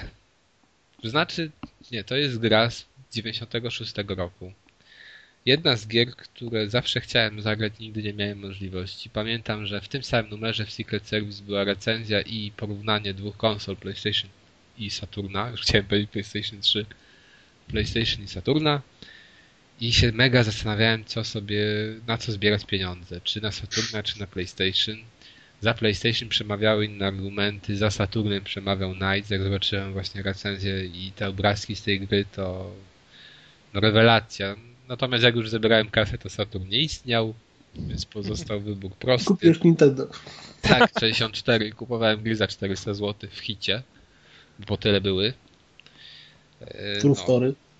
no. Donkey, Donkey Kongi i te, co tam, Conkers, czy jak to tam się nazywało, nieważne. E, czekałem zawsze, znaczy liczyłem na możliwość zagrania już w tę grę, gdy dowiedziałem się, że ona na PlayStation 2 wyszła. Czy będzie wychodzić. I wyszedł remake faktycznie Knightsów na PlayStation 2. Niestety wyszedł tylko w Japonii oczywiście. To jest tak podobnie jak chciałem kupić PlayStation, bo była czarodziejka z Księżyca, recenzja gry i się okazało, że też jest tylko w Japonii i że screeny, które są w recenzji w gazecie, to są screeny z wersji na 3DO. na taką konsolę Panasonica, cudownie. A ja kupiłem PlayStation z tego powodu. To Dobra. były czasy. To były czasy właśnie. Nic nie wiedziałeś, ale kupowałeś, bo myślałeś, że może ci się uda zagrać. E, wracając do Knightsów. Wyszła wersja na PlayStation 2 w Japonii. Ona była trochę odnowiona, to znaczy odnowiono tam generalnie na przykład sylwetki postaci. E, bo te postacie takie strasznie kaciaste są w wersji Saturnowej. Tutaj wyglądają podobnie jak na filmikach, które są w grze. E, dodano chyba jakieś, nie wiem, nawet nie wiem czy efekty jakiekolwiek, ale na pewno 16 na 9 wprowadzono ekran zamiast standardowego 4 na 3 e, i dodano taką, e, takie jakby demo, które się nazywało Christmas Nights, które wyszło w Japonii, gdy, wysz, gdy wyszły Nightsy właśnie na Saturna i to było osobno chyba sprzedawane, czy, czy, czy po prostu rozdawane nie wiem, czy w jakichś konkursach, czy w promocjach. I tak w zasadzie jest to, to jest jeden level z Knightsów, tylko że zrobiony w takiej wersji świątecznej. Eee, I on się też znalazł właśnie w tej wersji PlayStation 2. No i czym jest to HD? No i to HD to jest w zasadzie ta sama edycja co na PlayStation 2, tylko że jeszcze podniesiona do wysokiej rozdzielczości. No więc gra wygląda źle jak w ogóle jak ją włączyłem, bo tak jest, że się startuje jako dziewczynka bądź chłopiec, tam się wybiera dwie postacie, no i startujesz na takiej mapce trójwymiarowej. I w ogóle kamera, no może obracać kamerą, ale to jest fatalne, nie możesz zmienić osi. I są tak zrobione, że jak ja nie lubię, albo sztabkami możesz obracać. I to też jest, Sztabkami? słucham? Sztabkami? No, no L1, R1, A, a co ty myślałeś? nie wiem. No i e, fatalnie to wygląda i nie wiadomo oczywiście co mamy robić, tak, bo to jest gra starego typu, że tak w zasadzie nie wiadomo co mam robić, nagle patrzę, że jakaś strzałka jest przyczepiona do mojej postaci, mi wskazuje kierunek, no i w tym kierunku się udałem. Wchodzi się do takiego jakby pomieszczenia, w którym siedzi ta główna postać, czyli Knight, taki pamperek latający. I w tym momencie, jak my wchodzimy do tego pomieszczenia, jest akcja taka, że nasz chłopiec bądź dziewczynka zamienia się w tego Knightsa, czy tam się łączy z tym Knightsem w jedną postać i wylatuje z tego pomieszczenia, w którym było wcześniej zamknięte i my zaczynamy latać Knightsem. I wygląda to w ten sposób, że wtedy w zasadzie perspektywa jest jak w platformówce 2D, tak? Czyli dwuwymiarowa, mimo że wszystkie te obiekty są 3D i czasem się zmienia ta konwencja, że widzimy Knightsa na przykład z, od góry. Ale w większości przypadków widzimy go, no jak właśnie w standardowej grze 2D. E, Cała rozgrywka polega na tym, że musimy z, po całej planszy są rozrzucone kulki takie niebieskie i zbieramy te kulki przylatując przez planszę i przylatujemy przez obręcze. Jeżeli zdobędziemy 20 kulek, to lecimy w takie miejsce, do takiego pojemniczka jakby i w tym pojem, tego pojemniczek rozwalamy tymi 20 kulami i następnie jak to zrobimy, to musimy się udać z powrotem do tego pałacyku, żeby na kolejną rundę się przygotować, na kolejny pojemnik. Całość no może brzmi bardzo prosto i, i w zasadzie w założeniach jest prosta, ale myk polega na tym, że trzeba odpowiednio dużo punktów zdobywać, a punkty zdobywamy przez bardzo szybkie zdobywanie, znaczy no, przelatywanie przez obręcze w odpowiednim tempie, w, w odpowiedni sposób i też za y, właśnie zbieranie też tych kulek. I trzeba to robić bardzo szybko, bardzo sprawnie. I tak w zasadzie kamera nie pokazuje nam dobrze, gdzie są obręcze i trzeba się troszkę uczyć na pamięć tych plansz, żeby to wiedzieć, a trzeba zaliczać y, na du dużą liczbę punktów, na wysoką liczbę punktów każdy z leveli, dlatego że jeżeli zaliczymy je poniżej rankingu, tam jest forma ocen od bodajże A do F, jeżeli zaliczymy na ocenę niższą niż C, to nam się nie odblokuje ostatni level. Musimy wszystkie poprzednie poziomy zaliczyć na co najmniej ocenę C, co wcale nie jest takie łatwe na początku, y, ale później już się robi z tego coś, no, fajnego. Nie ma, nie ma frustracji, nie ma y, przeciągania jakby, że to jest w ten sposób, że nie wiem, latamy po dwie godziny po tym levelu, nie możemy sobie poradzić i nabić tej oceny C, tylko to się daje dosyć szybko zrobić. E, sterowanie jest y, fajne. W ogóle ta gra była bardzo chwalona za sterowanie w czasach, gdy ona wyszła. Z tego względu, że do niej, do większości kopii dołączono taki specjalny kontroler do Saturna, gdzie była gałka analogowa. I to w zasadzie była gałka to, to zaraz po Nintendo 64, chyba Nintendo 64 wyszło w Japonii, dwa tygodnie później wyszedł ten pad analogowy do Saturna. I no wiecie, jak, tego, jak nikt tego wcześniej nie, nie mm. kupował, no to, to to była w jakimś stopniu rewolucja i właśnie ta gra była bardzo mocno chwalona za taką płynność ruchów. E, właśnie dzięki tej gałce. No teraz dzisiaj to wygląda to, no, że wiemy jak się operuje tak analogiem i wiemy, że można to jeszcze zrobić lepiej, więc to nie wywołuje jakiejś tam e, poczucia takiego, że wow, to genialne, ale i tak sterowanie się nadal sprawdza i przelatywanie przez obręcze, robienie tam takich różnych piruetów, bo w pewnym momencie możemy robić też piruety, które dodatkowo nam nabijają punkty, jest po prostu tak fajne, że nie można się od tej gry oderwać. E, jest to, ona... Tak? To ile czasu spędziłeś z nią? Z 5 godzin, 6. Ją można ukończyć bardzo szybko, bo tych leveli tam masz 3 dla każdej chyba postaci plus jeden dodatkowy też dla każdej, no, ale to jest ten sam level jakby, tylko że musisz go dwa razy przejść, bo musisz przejść dziewczynką i chłopcem, żeby odblokować tak w zasadzie prawdziwe zakończenie. I e, no plus walki z bossami, bo to też o tym nie powiedziałem, że każdy level się kończy walką z bossem, które są też generalnie proste, ale na początku mogą sprawiać problemy, bo też nie wiemy, co mamy robić, bo ta gra nic nie tłumaczy.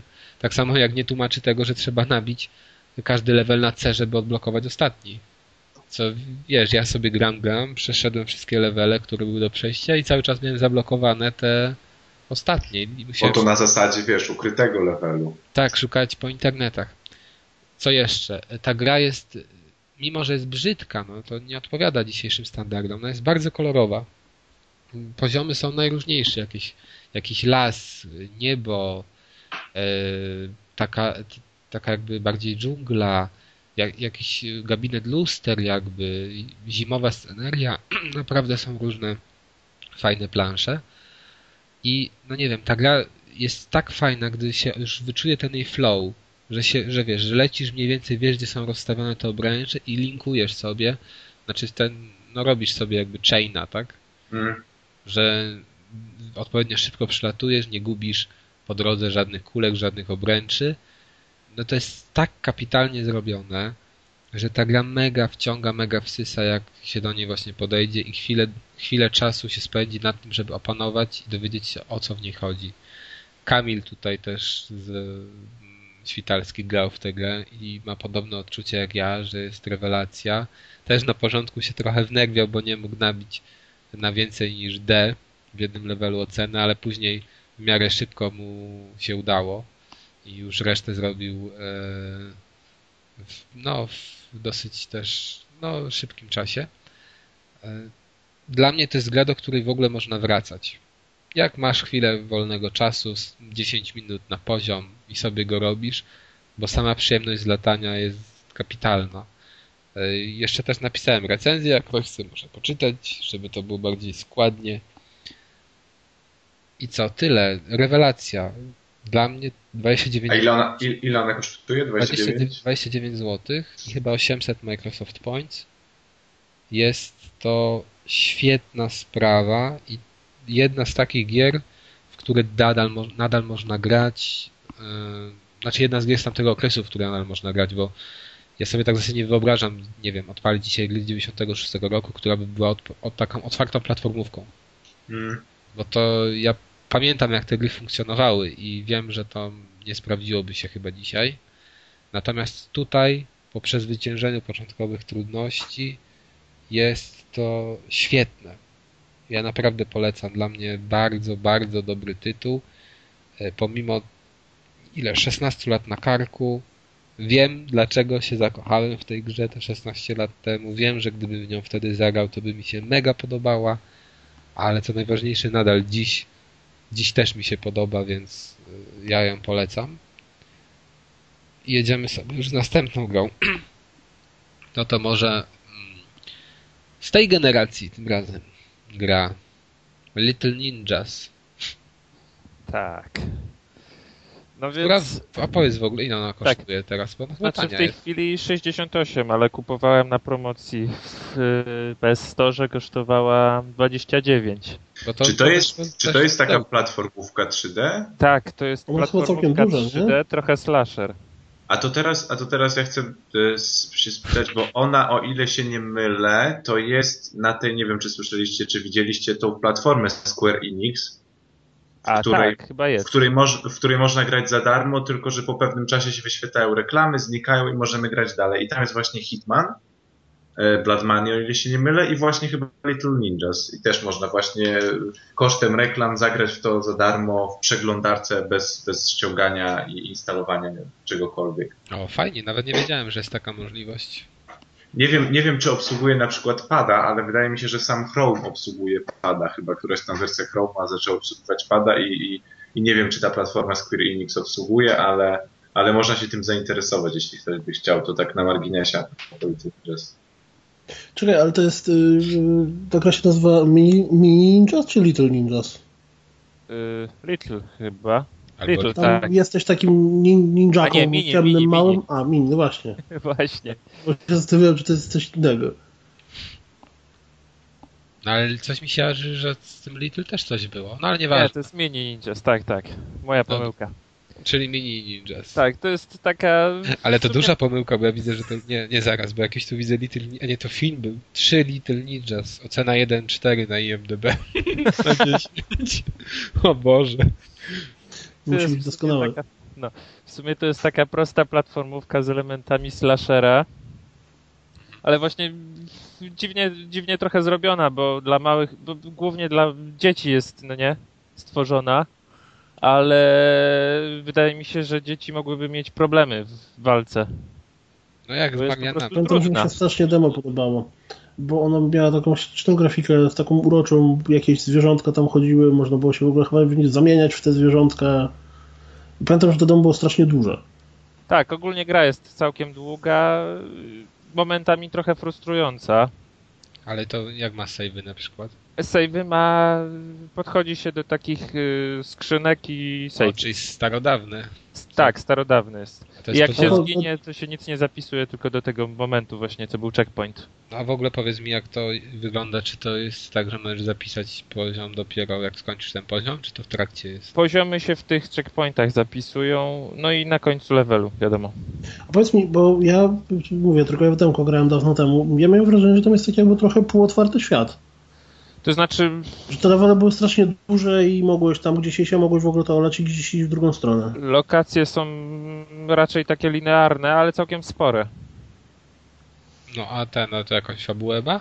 E, Jakiś mistrz właśnie ninja wysłał swoich małych ninja na No. misję Czyli bardzo do ambitna. złego szoguna, tak? I oni zaginęli. I wysyła swojego No ostatniego. Niemożliwe. Co ty nie powiesz? I co, i co jest? I co, znalazłeś coś tego? Wysyła swojego ostatniego Mini Ninja. ninja. Tak, mini ninja. Na poszukiwania tych, tych reszty. Yy, No i tam potem ich odnajduje. Ja po prostu... E, Ten, spoiler! ja po prostu... Spoiler, tak. Już zdradziłeś całą fabułę. Ja teraz przypomniałem amerykańskiego ninja. Też masz tak, że im silniejsza ninja, tym ciemniejszy kolor stroju? Tak, tutaj Tak? jest coś takiego, że jest pięciu właśnie ninja, czy tam sześciu i każdy ma jakieś różne funkcje. Jest ten gruby taki, silny do walki z wielkimi przeciwnikami. Tank. Jest y, właśnie y, łucznik i tym podobni. No ale No a no dobra, ale to jest tak, mówisz, że to jest bardziej platformówka?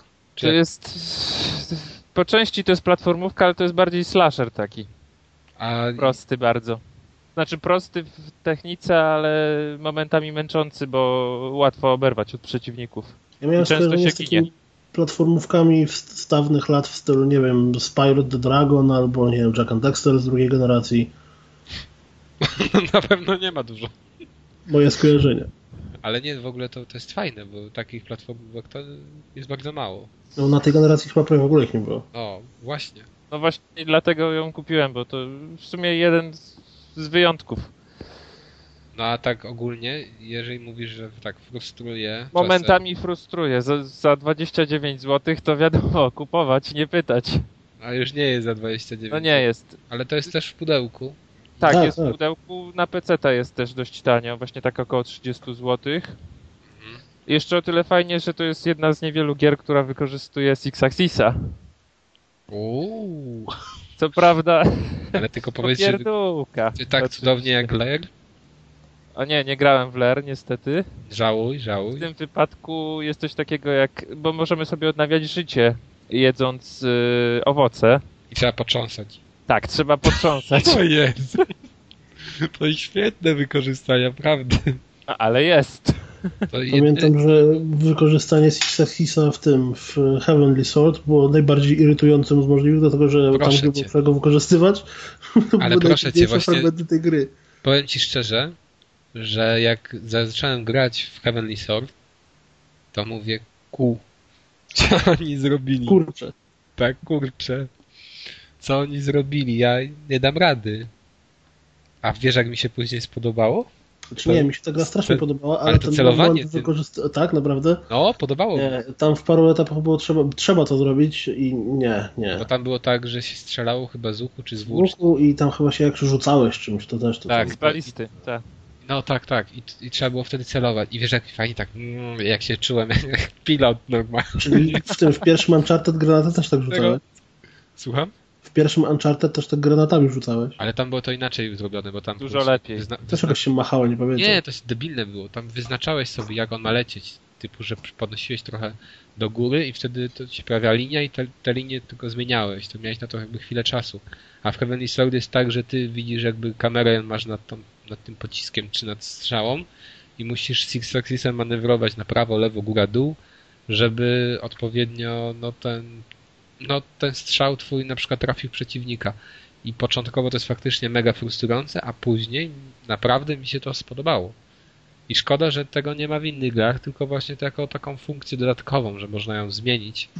Bo bym sobie czasem tak, no, posterował.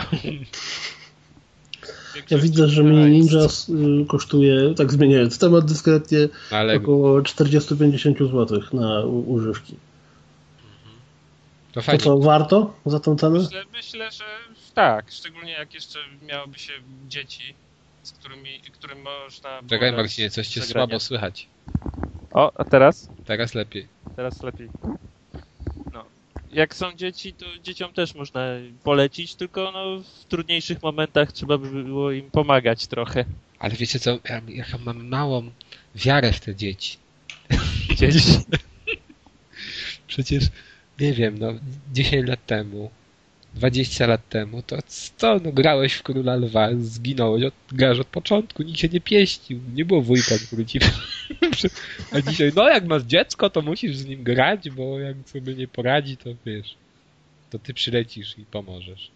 Wiesz co, ja mam, jak patrzę na swojego kuzyna, lepiej. tu nie kuzyna, a chrześniaka, mam pewne przemyślenia, bo Mówisz, że też ma... taki lamer growy. Nie, wiesz co, nie o to chodzi. On ma teraz, poszedł do drugiej klasy podstawówki, Przepraszam, ma około 80 lat. No i jak to wiadomo, dzieci w dzisiejszych czasach grali, GTA. to zawsze jak tylko... Nie, nie, nie, nie, wiesz tam, jego ulubiona gra to są te wszelkie maści z serii Lego.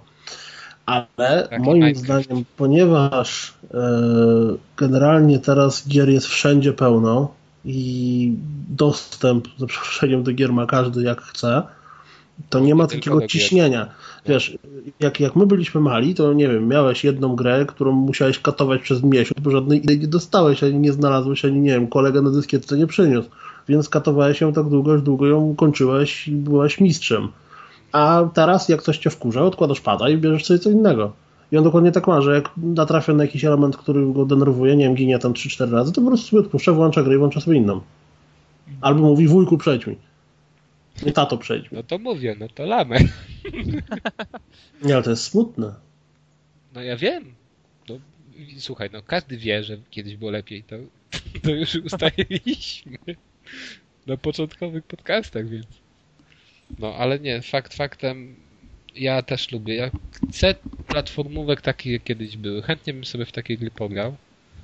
I dlatego tak mnie Margin kupił, no spójrzcie, no dzisiaj jakie, o jakich pięknych tytułach dzisiaj mówimy. Deadly Premonition, teraz Margin. Naprawdę, czego by tu jeszcze było? Jaku, o Jakuzie też było. Same perełki. Dobra. E, to chyba tyle. Skończymy sobie o Little, czy tam Mini, tak? tak. Mini. Mini. Jazz. E, I e, powiemy sobie teraz może o To the Moon. To the Moon na Księżyc. Gra wydana na PC-ty, która tak w zasadzie jest bardziej historią, bardziej takim przeklikiwaniem dialogów niż grą, dlatego że te elementy gameplayu to są, można powiedzieć, dodane na siłę. Wygląda to mniej więcej tak, że mamy izometryczny rzut, grafika jak ze SNESa. Poruszamy, możemy klawiaturą, ale też myszką. Jedno i drugie źle się sprawdza. Poszukujemy różnych przedmiotów E, ale nie ma w zasadzie żadnych zagadek i w pewnych momentach jest, są, jest taki jakby puzzle jak z profesora Laytona, który polega na, na tym, że odsłaniamy jakby takie fragmenty obrazka i trzeba odpowiednio w odpowiednich ruchach to zrobić, żeby odsłonić go całego. Natomiast e, jest to strasznie proste i w zasadzie te elementy gameplayu to są e, no, naprawdę dodane na siłę. To nie jest istotą tej gry to nawet nie musiała być gra, to po prostu jest bardzo fajna historia. Z pomysłem, nie wiem, może za mało czytam albo za mało gram, ale nie przypominam sobie takiego pomysłu na fabułę. To znaczy, mamy tutaj e, historię dwójki e, naukowców, tak to można nazwać, chyba naukowców, pracowników takiej firmy, która pomaga ludziom, którzy są na łożu śmierci. I e, żeby taki człowiek na łożu śmierci umarł radosny, to firma e, wchodzi, jakby podłącza go do takiego urządzenia e, i przyczesuje jego wspomnienia. I zmienia te wspomnienia tak, żeby spełnić jego marzenie, że ten człowiek, który umiera, ma wrażenie, że, że dokonał tego, o czym zawsze marzył. No i w tym wypadku jest postać właśnie faceta, który umiera i zażyczył sobie, żeby e, no, żeby we wspomnieniach, żeby myślał, że był na Księżycu. Czyli no ambitnie. I, tak. No i, i ty jako tam sterujesz właśnie dwójką tych dok doktorków, panią doktor i takim jeszcze panem doktorem, chyba doktorami, bo tam w fartuchach jakby chodzą nawet. No i podłączasz się do mózgu tego umierającego i przeczesujesz jego wspomnienia i to wygląda stopniowo. Nie możesz, żeby zmienić całą, znaczy w zasadzie zasada tego polega na tym, że ty musisz wykształcić w tym człowieku, w tych jego wspomnieniach chęć polecenia na księżyc. Jakby tutaj zmotywować go. Remember Me prawie, że Słucham? się inspirowało tym chyba. Czym, czym? Remember Me. Może, no. Musisz właśnie tak namieszać w tych wspomnieniach, żeby, ta, żeby ten człowiek jakby e, miał taką chęć polecenia na księżyc, żeby tego dokonał. To nie jest tak, że ty mu zmieniasz na przykład, że ty, nie wiem, dajesz mu bilet w tych wspomnieniach, tylko ty masz go na tyle zmotywować, żeby to był jedyny cel w jego życiu, czy najważniejszy cel w jego życiu i żeby on naprawdę poleciał. No i, i nie możesz tego dokonać w ten sposób, że przenosisz się tam etapami, na, że przenosisz się na przykład od razu do czasów dzieciństwa, musisz się przenosić etapami. Masz linię czasu, gdzie ten człowiek jest stary i tak po kolei etapami przeskakujesz do pewnych dziejów, no do, poglądasz sobie jego historię, tam jego życie. I tu jest, ta gra jest generalnie z tego względu bardzo fajna, ten pomysł jest super. Dodano też taki wątek romantyczny. Dodano pewną tajemnicę. No nie będę tutaj za bardzo zdradzał, ale to się bardzo fajnie komponuje. Tak w zasadzie nie wiemy, dlaczego ten facet chce, chce na ten księżyc polecieć. A jak trafiamy do tych wspomnień, to, też nigdzie nie pada słówko od niego, że on chciałby na księżyc. I staramy się tego dowiedzieć, dlaczego. Pojawia się też, pojawiają się też kwestie jego żony, która jak, na jakąś tam chorobę cierpiała i która robiła takie dziwne, takie schizorujące rzeczy, jak na przykład króliki origami. Cała chata jest zarzucona królikami origami. W zasadzie nie wiesz, skąd one się wzięły i właśnie przysując wspomnienia, e, starasz się tego dowiedzieć. E, fabularnie no, są pewne tam nieścisłości, pewne takie, można powiedzieć, delikatne bzdurki, ale można na to przymknąć oko. Fajny jest motyw, że ten doktor facet jest takim trochę geekiem. I on rzuca czasem takie śmieszne teksty, tutaj gdzieś coś z Dragon Balla, tutaj e, ze Street Fightera coś tam powie. To się fajnie sprawdza, taki delikatny akcent humorystyczny. E, całość jest czytana, oczywiście nie ma dialogów mówionych. E, fabularnie bardzo dobra gra ze świeżym pomysłem, z ciekawie poprowadzonym scenariuszem, z satysfakcjonującym zakończeniem, z piękną muzyką, z przyzwoitą grafiką. No wiadomo, że to jest, że piksele, tak? Ale wygląda to ładnie, schludnie, tak i czysto. No w każdym razie bardzo dobry tytuł, y, taka czytanka w sumie, gdzie nie wymaga za dużo myślenia. Y, Ale a powiedz mi, bo to sterowanie samo w sobie to jest taki point and click, czy... Znaczy to jest żałosne generalnie, bo klikasz, no click, point and click, tak? W zasadzie to nawet klawiatury nie wymaga ta gra oprócz jednego momentu. A taki w starym stylu, że to, że masz przedmioty, zbierasz je i tak dalej, czy... Tak, bo to jest, to wygląda w ten sposób, że jak jesteś we wspomnieniach, powiedzmy, no, że wchodzisz do wspomnień, no i cię przesuwa na linii czasu do wspomnień sprzed powiedzmy dwóch lat. Tam nie ma oznaczone dwóch lat, ale widzisz na osi czasu, że jest ten facet, którego jesteś we wspomnieniach jako staruszek, jako tam młody, jako dzieciak. No jesteś na przykład w tym okresie staruszka i musisz znaleźć pewne znaczące rzeczy dla niego Czyli to na przykład powiedzmy, że lubił kopać w piłkę, no to musisz znaleźć piłkę. I jak znajdziesz odpowiednią ilość tych wspomnień, to wtedy możesz się przenieść dalej w czasie. No ale Czyli to szukanie. Cofasz, tak? tak, i wtedy, wtedy się możesz cofnąć. Ale to szukanie to polega na tym, że wiesz, oglądasz co tam leży i, i, i tylko na niektóre rzeczy możesz kliknąć i po prostu na nie klikasz i zabierasz je. Jak je zbierzesz, to podchodzisz do innej rzeczy, która jest zamknięta w takiej kuli i wtedy ją możesz otworzyć i się przenieść wspomnienia dalej. To jest, wiesz, system niby point and click, ale tak w zasadzie tu nie ma żadnego myślenia przy tym. Po prostu klikasz na, na czym możesz kliknąć. I tyle. Tu, tu, to nie jest w żaden sposób um, skierowane na myślenie, nie? na to, żebyś ty się cieszył rozgrywką, bo jej w zasadzie nie ma. Ona jest naprawdę dodatkiem. Czyli taka interaktywna opowieść, tak? Tak, to jest taka bardziej interaktywna odpowiedź. Zresztą ten twórca, który to robił, wcześniej zrobił chyba też podobne tytuły, gdzie w ogóle tam tylko była to interaktywna opowieść bez żadnego gameplayu. No tu jest ten gameplay. No wiadomo, no mówię, wrzucony tak na siłę, ale nie przeszkadzający. Całość na 4,5 godziny. Tam nawet jest napisane gdzieś chyba na stronie tej gry, że na ile ona jest. No jest wpisane 4,5 godziny i wiecie co, ja ją ukończyłem właśnie w 4,5 godziny. Hmm. Czyli to faktycznie jak film bardziej. I no naprawdę, gdyby z tego zrobić film, to mógłby być udany. Trochę tam pozmieniać. Hmm? A ile kosztuje? Teraz jest promocja na Indie Royal. Znaczy jest taka akcja, tak? Indie Royal, gdzie można ją kupić.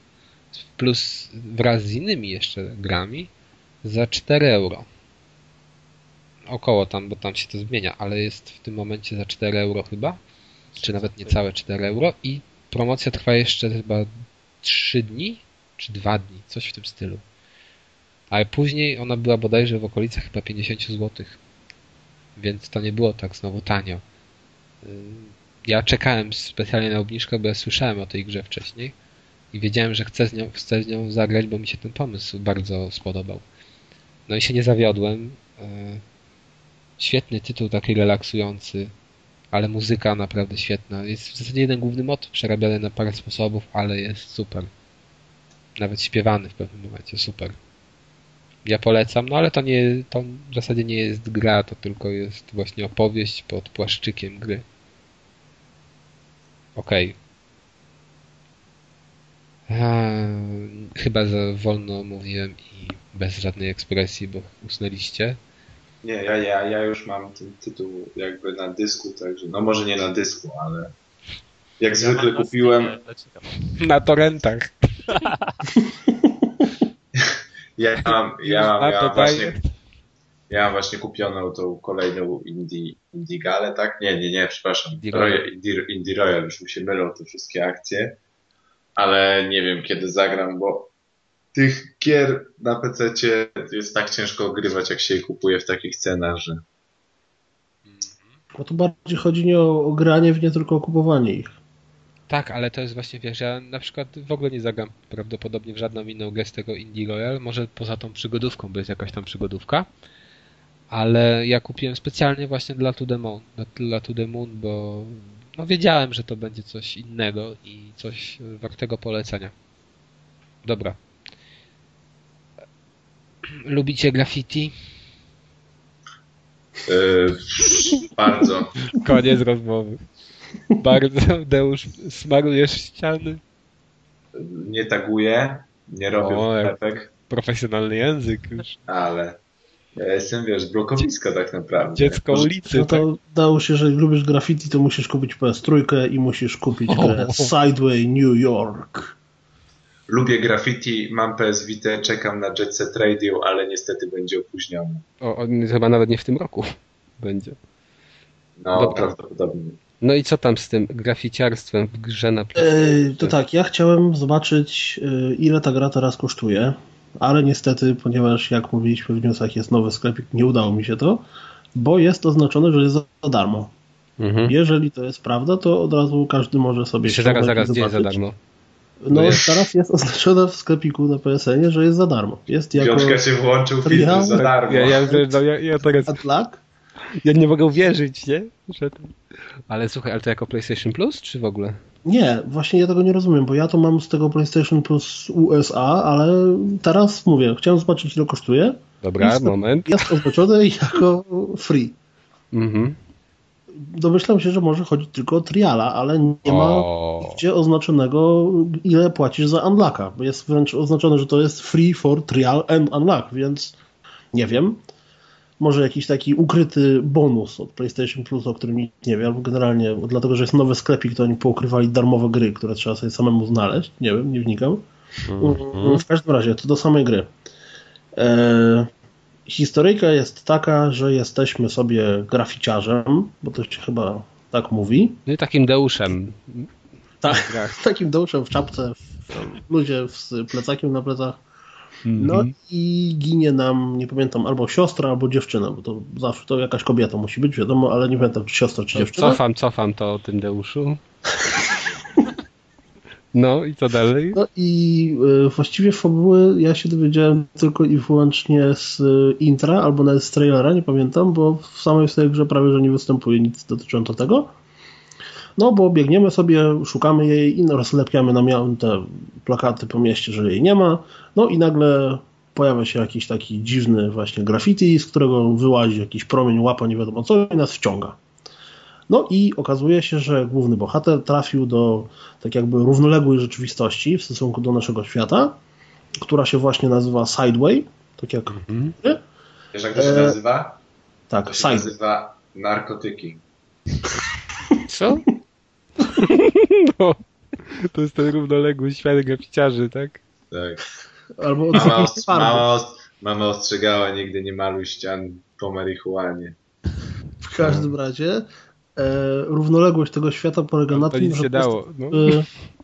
E, świat właśnie graffiti. To znaczy my stajemy się namalowanym na ścianie, nasz, nasz bohater jest po prostu namalowanym na ścianie obrazkiem, wszyscy przeciwnicy to są namalowane na ścianach obrazki, e, checkpointy to jest po prostu zatagowanie jego imienia, czyli tam się pojawia taki ładny Nox, i wszystkie obiekty, z którymi my wchodzimy w bezpośrednią interakcję, to są właśnie mm, e, graffiti, które jest zrobione na ścianie. Natomiast ponieważ to ma być świat trochę równoległy w stosunku do naszego, to normalnie chodzimy po budynkach. I sztuczka A. polega na tym, że ponieważ jesteśmy dwuwymiarowym graffiti na ścianie, to idziemy sobie na przykład, wskakujemy, wskaczemy sobie po, po jakichś tam podestach, po czym nagle wskakujemy na dach, ale nie stoimy na tym dachu, tylko dalej jesteśmy, tak jakby kamera się obraca o 90 stopni i dalej jesteśmy płasko na dachu. Rozumiecie? Bo to tak trochę trudno wytłumaczyć. Tak, ale... tak. Czyli perspektywa jest w 3D, natomiast y, ty chodzisz płaskim obiektem po ścianach, czyli w momencie, w którym tak jakby zakręcasz, to tak naprawdę po prostu budynek jest pokazywany, y, druga, druga fasada budynku jest pokazywana. Ja, ja przepraszam, że ci przerywam, ale właśnie chcę wyszukać ten tytuł i widzę to wyszukiwanie w tym nowym tym. To jest jakaś. Urocze, prawda? Co co? Urocze jest to wyszukiwanie. to jest bardzo dobre słowo. To jest jakaś masakra. Musisz przeklikiwać po literkę, nie możesz wpisać sobie. Dobra, proszę, już możesz Tak, kontynuować. kontynuując. Y, No i mówię, to tak trochę trudno opisać, mam nadzieję, że rozumiecie o co mi chodzi, że świat jest 3D, my jesteśmy graffiti, które jest na ścianie, ludek jest namalowany, przeciwnicy są namalowani, wszyscy, mm, wszy- wszystko jest namalowane. Jedyne, co możemy jakby ingerować w świat ten zewnętrzny, to jest to, że można skrzynki przesuwać. No ale to tam wynika jakoś z, z, z gry samej w sobie. No i gra jest taką fajną platformówką 2D Mhm. bo jednak to poruszanie się jest bezpośrednio w sobie po prostu 2D, chodzimy lewo, prawo, skok, a jedynie perspektywa, no ta, ta perspektywa wpływa bezpośrednio tak naprawdę tylko i wyłącznie na układ plansz, ale przez to czasami najpierw idziemy tak jakby w górę, po czym w momencie, w którym zaskoczymy z dachu budynku na jego boczną ścianę, to wtedy to, po czym przed chwilą wchodziliśmy na górę, tak naprawdę teraz jest naszą podłogą albo boczną ścianą i wtedy można się w inne miejsce dostać. Więc ta perspektywa, to strasznie skomplikowanie brzmi, ale mówię, jeżeli ktoś by wyrzucił sobie w YouTube trailer mm, czy jakiś tam gameplay, to od razu to, to jak się na to patrzy, to bardzo łatwo to zrozumieć, natomiast w miarę trudno to wytłumaczyć. Bo ta zmiana perspektywy wpływa na konstrukcję leveli, tak? Czyli my cały czas chodzimy jak w klasycznej platformówce 2D, ale po prostu czasami nagle coś, co było naszą ścianą, czy tam co było naszą podłogą, staje się ścianą i odwrotnie. Teraz dalej. Główny bohater przez całą grę ciągle się rozwija, czyli na początku tylko i wyłącznie chodzimy, skaczemy i możemy się kopać i bić, ale sukcesywnie zbieramy kolejne i kolejne upgrade'y. A to jakieś tam podlatywanie, a to tworzenie dodatkowego graffiti, które jest mostami, a to jakieś tam super ciosy, rzucanie granatów, generalnie rowery bajery. Grafika sama w sobie wygląda, mimo że to gra ma, nie wiem, już chyba jakieś 3-4 lata, bardzo fajnie przez to, że jest ten, ten, ten styl graffiti, tak, tych wszystkich rysunków, to to wszystko, co jest rysowane, wygląda bardzo fajnie. Ja przepraszam, to- że ci przerywę, przerwę znowu, ale chyba jest opcja, że musisz kupić. To jest chyba no- nowy feature PlayStation e, sklepu, że jak wcisnąłem, że mm, kupuję ten try unlock, to w tym momencie się pojawia opcja add to cart 36. A, czyli. Czyli coś, co jest za darmo, musisz kupić. No super. Czyli ile kosztuje? 36. A jeszcze przerwę jest na Steamie za 9 y, euro. No to lepiej na PlayStation 3. Tak. Yy, co ja mówiłem? A, o grafice. Że generalnie to wygląda całkiem, całkiem przyjemnie. Mówię, można sobie spojrzeć na jakiś trailer, czy na jakieś graficzki. W ogóle ta gra jest ciekawa, bo ja nie jestem jakimś wielkim fanem tego typu rozgrywki, a jak do tego usiadłem, to w sumie w dwa wieczory to przeszedłem, Mm, bo grałem dopóki tego nie, nie skończyłem. A ja w ogóle, ale to w ogóle o niej nic nie kojarzę. Nie pamiętam, No, ja też, ja, nie do pamiętam czasu jak ty mi o tym powiedziałeś, to ja w ogóle nie żyłem tego tytułu. No, mm, co jest jeszcze istotne, to to, że jest bardzo specyficzna muzyka. I akurat w moim przypadku mi to troszeczkę przeszkadzało. Bo ponieważ gra się nazywa Sideway New York, to muzyka ma być chyba inspirowana e, właśnie chyba również kulturą graficiarzy i blokowiskami i tak dalej. I to jest takie, ja się nie znam na tego typu gatunkach, ale to jest jakiś właśnie taki rap, jakieś takie bity, jakieś scratche, generalnie ten typu klimat i to tak mi trochę bardziej przeszkadzało niż pomagało się, się bawić tą grą. Mm, Więc mówię, jest bardzo taka czarna ta muzyka. Taka, tak po prostu i w ogóle nie ma mieszanki stylów. Jest tylko i wyłącznie cały czas jeden konkretny rodzaj to- scratchy, jakiegoś tam rapowania i tak dalej. Okej, a co jest jeszcze słabe, to to, że tych piosenek w sumie jest, nie wiem, na każdy etap jest jedna i w momencie, w którym y, gramy, nie wiem, drugi etap, a grasz w miarę długo jeden poziom, nie wiem, 10-15 minut, a piosenka trwa 3 minuty, to ona się ciągle zapętla. I jeżeli w przeciągu jednego etapu usłyszysz ten sam kawałek 4 razy, ale on jest jeszcze jakoś tam śpiewany, to zaczynasz mieć go powoli dosyć. No ale to może tylko ja tak miałem. Teraz dalej. Ta gra jest dość trudna, wbrew pozorom, bo niby cały, cały, cały styl rozgrywki jest bardzo prosty, to nagle się okazuje, że jeżeli zrobimy dwa błędy, giniemy i wracamy do checkpointa. Mhm. Więc nie jest to takie proste jak, jak, jak dzisiejsze platformówki, jakkolwiek by to brzmiało. Ym, Jest tam też od groma znajdziek, bo zbiera się jakieś tam dodatkowe punkty. Można w ogóle niektóre upgrade'y pominąć i wtedy się nie ma tej umiejętności, bo ona jest jak tak jakby opcjonalna. Ym, Zbiera się tam na każdym etapie jakieś specjalne tagi, zbiera się no, tonę rzeczy, więc jeżeli ktoś chciałby maksować tę grę, to na pewno spędzi z nią dużo dłużej niż dwa wieczory. Ym, I co jest niestety przykre, to to, że w ogóle są walki z bossami, które każda walka z bossem wymaga znalezienia sposobu na tego bossa i wymyślenia, jak go należy pokonać. No, nowość. tak, ogromnie.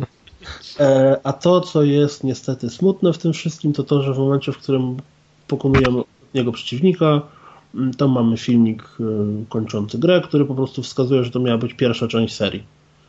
No ale patrząc po tym, że chyba nikt o niej nie słyszał i średnio się sprzedała, kolejnej części serii raczej nie będzie. Czyli to jest one shot. Tak. Natomiast nie mówię, i warto zobaczyć sobie trailer. Jest bardzo fajnie się w to gra. Nie jest jakaś strasznie łatwa, nie jest nadzwyczaj irytująca. Przyjemna, miła, sympatyczna. Nie, 36 zł. No to jeżeli ktoś lubi platformówki, to moim zdaniem za te 36 zł warto to kupić. Okej. A jeżeli jest trial, chyba, A ile to jeszcze ty mówiłeś? Bo nie wiem, czy ja nie zjarzyłem. Ile to trwa? Mniej wiesz co, więcej? to przeszedłem jakiś, tak z tego co pamiętam, już jakiś czas temu grałem, e, takie dłuższe 2-3 wieczory, czyli nie wiem, tak strzelając godzinami obstałem pomiędzy 6 a 9 godzin. Mhm. No to jeszcze. Ale no kurczę, wracając do PlayStation Plus, nowego sklepiku, znaczy PlayStation Store, no ludzie, jak teraz próbowałem to pobrać, to tutaj tu czy add to cart, z karta czy chcesz do checkout, z checkouta czy chcesz zapłacić, czy na pewno chcesz zapłacić, czy chcesz pobrać, no ludzie. To jest jakieś, jakaś masakra. Ja nie, ja nie wiem, co oni tutaj myśleli sobie robiąc ten sklepik. Chronią cię przed impulsywnymi zakupami. No on, na- to na pewno. To jest, ale, ale albo to, że ja nie widziałem ceny, a dopiero gdy zacząłem ściągać triala, to się pojawiła cena. Ale on trial się zaczął ściągać, czy, czy żeby No trial się zaczął triala? ściągać, bo zrobiłem, bo tam było coś tam add to cart i tam było tylko ten trial jakby. A zobacz sobie, możesz to otworzyć i sprawdzić, bo później mi się pojawiło pod obrazkiem po lewej stronie, że 36 zł add to cart. Jak, wydaje mi się, że pojawiło się dopiero jak zacząłem ściągać triala. Znaczy, bo ja to wrzuciłem do koszyka, już dalej nie szedłem, po prostu w koszyku było za free. Jako trial and unlock. No to zo- a zobacz sobie, spróbuj to To co, ściągnąć i to zobacz, czy się nie pojawi sklepik 36 włączy. zł. To jest masakra. Dobra, nieważne. Jedziemy dalej. Jedziemy z darmówką dla PlayStation Plus. Grą, która się nazywa Hell Yeah. Hell Yeah i jeszcze jakoś tam ma podtytuł, czy teraz Zemsta coś tam królika. Revenge of a Rabbit? Nie, Tak, coś tam. takiego. No i co tam z tym Hell Yeah? W pierwszej chwili myślałem, że to będzie coś ala Jack the, the Jack Jazz Rabbit. No i No. ogólnie ogólnie początkowo no to tak wygląda, ale To się nazywa dokładnie Hell Yeah Wrath of the Dead Rabbit. tak. No. Fabularnie no to jesteśmy królikiem, który niby jest księciem Ciemności. e, ciemności czy coś takiego, tak? Złym Tu- królikiem. Złym królikiem, który do piekła poszedł, stracił ciało i jeszcze na dokładkę ktoś mu zrobił zdjęcia nagie. Uuu. I poszukuje właśnie osoby, która ma te zdjęcia. Jak wygląda nagi, to znaczy jak ubrany królik? Jak Aha, kości wygląda. Znaczy on ma same kości, tak. jak jest od, rozebrany. I całość się dzieje, na początkowy level jest chyba w piekle. Tak, w zasadzie większe, wszystkie levele są w piekle, tylko że no różnie wyglądają. Część wygląda jakby były w kasynie, część w jakimś takim upieczonym levelu. No i to jest platformówka 2D. To jest platformówka, też momentami to jest no, strzelanka. Mhm. Tak, tak. Czasami też przeistacza się w bullet hella. Ojoj.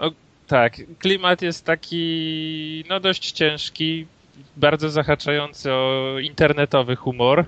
No właśnie. I właśnie w tym jest problem, że no, No, Dokładnie mam nie to samo. każdemu to się spodoba, tak, dokładnie.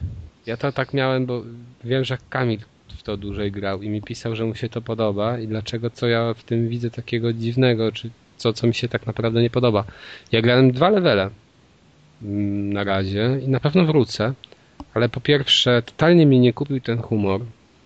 No ja lubię, ja lubię czasem taki klozetowy humor, ale tu to już naprawdę jest takie gimnazjum.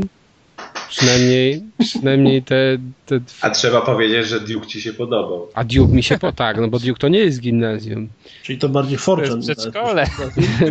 Duke Nukem to jest po prostu taki pener, ale pener dorosły. A gimnazjum to jest co innego.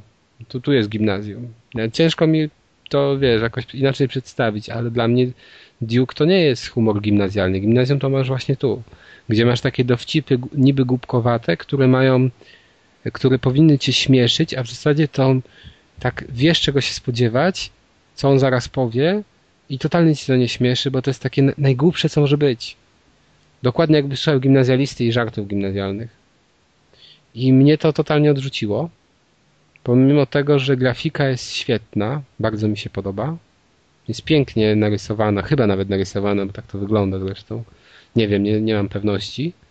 E, I, no ale wrócę sobie do tej gry, bo dwa levele to jest za mało. Natomiast jeżeli chodzi o gameplay, to też nie wywarł na mnie jakiegoś mega, mega wrażenia, a lubię platformówki 2D. No ale to Marcin, to, to, to ty lepiej powiesz, bo dłużej grałeś. każda, każda walka z przeciwnikiem sprowadza się do tego, że trzeba mu zbić no, pasek życia, a później QT. Różnorakie. I to też nie jest zbyt A przyjemne. później bo- zaczyna się kucie tak zwane. QT, Quick Time Events. No i Czasem to się sprowadza do wciśnięcia jakiejś kombinacji klawiszy, czasem jakąś minigierkę trzeba wykonać. No, za pierwszym razem to jest śmieszne, ale no jak to się kilka razy powtarza, no, na je- każdym poziomie musimy iluś tam przeciwników yy, właśnie pokonać, żeby przejść dalej. I trzeba jakby trochę też jakby minimalnie, ale szukać. Bo- Tak, tak, właśnie trzeba szukać, tylko że jest mapka i Mhm. jest Łatwo strzałka, no, więc no. łatwo tak znaleźć. No czasem trzeba się trochę pomęczyć z przeciwnikami, żeby dotrzeć do nich, bo no, sporo jest pułapek. Ogólnie mechanika jest nie najgorsza, tylko że właśnie ten klimat i momentami wykonanie jest y, męczące. I w ogóle ta gra jest podobno długa. Ona niby ma 10 leveli, ja, wydaje mi się, że już jestem na piątym, no to tak mi to zajęło około 3-4 godzin. Ja słyszałem właśnie, że to jest tak na 8-9 godzin, to mi się wydawało sporo jak na taki tytuł. Tak, ona w każ- tania tak, też nie jest. No właśnie nie jest tania. Wydaje mi się, że gdyby nie była w plusie, to nawet na promocji zastanawiałbym się, czy ją kupić. E, Po, po, po przejściu każdego poziomu jeszcze jest walka z bossem. Oni są no trochę trudniejsi niż normalni przeciwnicy. Też No. mają jakieś tam gadki, jak to bossowie. Ale są takie, takie, takie same głupie Tak, odzywki. tak, przykład dokładnie. On spotyka jakiegoś swojego pomagiera takiego, który mu tam tłumaczy ten, ten, ten świat. O, i co tu robisz? Coś tam. No wiesz, ja tu zawsze jestem panem coś. No ty, panie piekła. Nie, dobra, nie będę tego... nie pamiętam. Lokaj. Nie To będę jest generalnie jego słabe, lokaj, tak? a w dodatku ośmiornica. No, ale to takie wszystko jest takie właśnie głupie, takie jakby podchodził do ciebie jakiś młoko i a, zaczął się rzucać. Takie debilne. I do mnie to nie trafia. No i też jak gdybym, gdyby to, gdybym na przykład miał po tych dwóch levelach mieć możliwość kupić bądź nie, to nie kupiłbym. Na pewno bym tego nie kupił. No ale może się zmieni ta opinia, jak dłużej w to pogram. Bo oceny ma czas. Trailer już wiedziałem, żebym go nie kupił. Ale ja lubię platformówki 2D, wiesz, i ja lubię. ym, Sideway kup. no, i lubię taki. Bo, znaczy, lubię właśnie taką konwencję, że tu jest bardziej rysowana, tak wygląda ta grafika, a nie takie, wiesz, 2,5D. Sideway też jest takie trochę rysowane. Właśnie jakbym miał wybierać, to chyba Sideway bym kupił, bo grałem w demo i też mi się bardzo podobało. No tak, właśnie- no to jeżeli Ci się demo spodobało, to naprawdę bardzo warto. Bo mówię, demo ładnie przedstawia to, jak ta gra wygląda później. Nie ma To negatywnych Achel- zaskoczeń. Mhm. Hell yeah, no jak ktoś lubi taki klimat albo jest w stanie się On jest w gimnazjum. No. To jest- może spróbować, ale raczej nie za taką cenę, jaka jest w tej chwili. No chyba, że ma w plusie za darmo, no to brać. to, to, to, Ale ja tak chciałem dodać, że przepraszamy wszystkich gimnazjalistów, którzy nie czują się jak stereotypowy gimnazjalista. no jak to ktoś powiedział, że gimnazjalista to nie wiek, tylko stan umysłu. Nie, nie, nie wiem. Prawda. Okej. E, Kończymy sobie e, grą, uwaga, na przecudowną konsolę, która ma masę udanych gier do kupienia za małą kwotę, czyli e, grą na 3DS-a, która się nazywa Liberation Maiden. W ogóle z nią się wiąże ciekawa historia, bo to jest gra, która w Japonii została wydana w takim paku, który zawierał cztery pozycje, czterech różnych twórców, a w zasadzie trzech twórców gier japońskich, plus jednego komika. Nie wiem, jak oni Już brzmi zachęcająco. Tak, Bardzo zachęcająco. ale to jest jakieś bez sensu, naprawdę. Jak ja, ja, ja, ja napisałem też recenzję, pewnie niedługo pojawi się na stronie. No i wiecie, czytając e, informacje o tej grze i widząc, że, że właśnie ten pak się składał. Z, no i patrzyłem sobie tych twórców, tak? No i patrzę, ten jeden, dobra, kojarzę, ten kojarzę, ten kojarzę, no a ten czwarty, nie, co to, kto to w ogóle jest? No i później patrzę, że to jest jakiegoś comedy duo. Z jakiegoś takiego, nie wiem, komik który występuje i co ma komik do gry, ale chyba ta gra, którą ten komik próbował, po- pomagał stworzyć, to jest właśnie jakaś taka śp- śpiewana czy coś. No w każdym razie u nas nie wydano tego w pudełku, w zestawie, tylko każdą grę, każda z tych e, pozycji będzie wydana osobno na we-shopie Nintendo. No i jako pierwszy e, do sklepiku trafił Liberation Maiden za cenę 32 zł, bo przypominam, jest coś takiego w sklepie Nintendo jak polska waluta. Nie musi to być cdp.pl. Jest i tak polska waluta.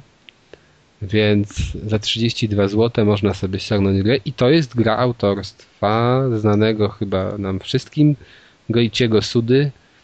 Niedawno omawiałem jego cudowną grę Lollipop Chainsaw, bardzo ambitną. I to Czy to jest... jest gra o Joannie Dark?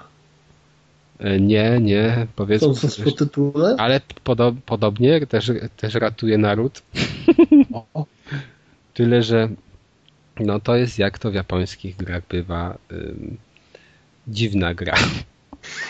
To zna, Jak to gry Sudy chyba. no, ale jest fajna fabuła, naprawdę fajna. Z tego względu, że jest ta, no, nie wiem czy ta Maiden ma określać, nie wiem czy to tak można tłumaczyć dziewica tak dosłownie jak e, Virgin, ale może coś w tym jest. Z tego względu, że główna bohaterka gry to uczennica liceum. Miała ci ta uczennica liceum ojca, który tak się złożyło, że był prezydentem Japonii. No i O niestety proszę. na Japonię nadjechały wrogie siły. Wrogiego państwa. O nazwie teraz nie pamiętam, bo to państwo nie istnieje w rzeczywistości. No i niestety, ale Japonia została zniszczona. W jakiejś dużej mierze. A prezydent padł. Dostał kulkę w łeb i padł. No i parlament. No kogóż mógł wybrać na prezydenta kolejnego? No nie, Córkę. Córkę, oczywiście. Inaczej nie mógł postąpić i uczennica liceum została nowym prezydentem Japonii. No i uczennica liceum, jak to uczennica liceum, bardzo odważna w kusej spódniczce, ale nie tylko pod tym względem odważna, bo chce ratować swój naród. Też jej celem w życiu jest ratowanie narodu, a tak się fajnie składa, że e, Japończycy budują robota. Jak to? U, Jap- u Japończyków roboty przeważnie kierowane są przez nastolatki. Więc za sterami robota siada nasza dziewica wyzwolenia i ta dziewica wyzwolenia w ogóle ten robot jest strasznie śmieszny, bo jak, się, bo jak on leci, to masz wrażenie, że, że widać tę laskę z tyłu. Jakby ona dosiadała motoru, trochę tak to wygląda. No i w każdym razie tam Madame Prezydent, jak ją określa taki jej pomagier, który jej mówi cały czas przez telefon, co ma robić. Siada za sterem, znaczy siada za sterami mecha. W ogóle jest to bardzo ładnie podane, bo jest y, historia przedstawiona w postaci filmików y, anime, robionych przez studio Bones się nazywa. Teraz nie pamiętam za co ono było odpowiedzialne, ale normalnie anime tworzy to studio, więc y, bardzo ładnie to wygląda. Tyle, że filmików są całe dwa, więc to jest trochę mało. Ale... Intro i outro? Tak, ale dokładnie, ale też wszystko jest udźwiękowione, czyli pomiędzy planszami mm, mamy statyczne obrazki tych postaci, one są, rozmawiają i są też napisy, ale też są, ale właśnie dialogi są również czytane. Nawet niezły ten dubbing, angielski akurat. E, I e, siadamy ze sterami mecha, widzimy całość z perspektywy trzeciej osoby. Ten mech lata, bo to jest latający mech. Japończycy tylko latające rzeczy tworzą, jak Daimosy, chociaż Daimos chodzi po ziemi, ten, ten chyba nie. E, no i strzelamy. A strzelamy w ten sposób, że trzymamy w lewej ręce konsolkę i sterujemy analogiem, tak ruchami robota. Natomiast strzelamy przy pomocy stylusa, zaznaczając odpowiednie obiekty na ekranie i całość przypomina Reza. Czyli wygląda tak, że widzimy powiedzmy wrogi statek i zaznaczamy tyk, naciskamy na niego, yy, znaczy naciskamy, no widzimy celowniczek na głównym ekranie, a na dole nie widzimy, ale no tak sterujemy nim właśnie tym celowniczkiem i odpowiednio zaznaczamy te obiekty i puszczamy stylusa. Jak puścimy stylusa, to wylatują rakiety i niszczą e, przeciwników. E, później zyskujemy taką broń, która automatycznie strzela i, i, można w dowolnym momencie zmieniać między tymi dwoma broniami. E, I to się przydaje, bo czasami jest wymagane, żeby była jedna, czasami druga.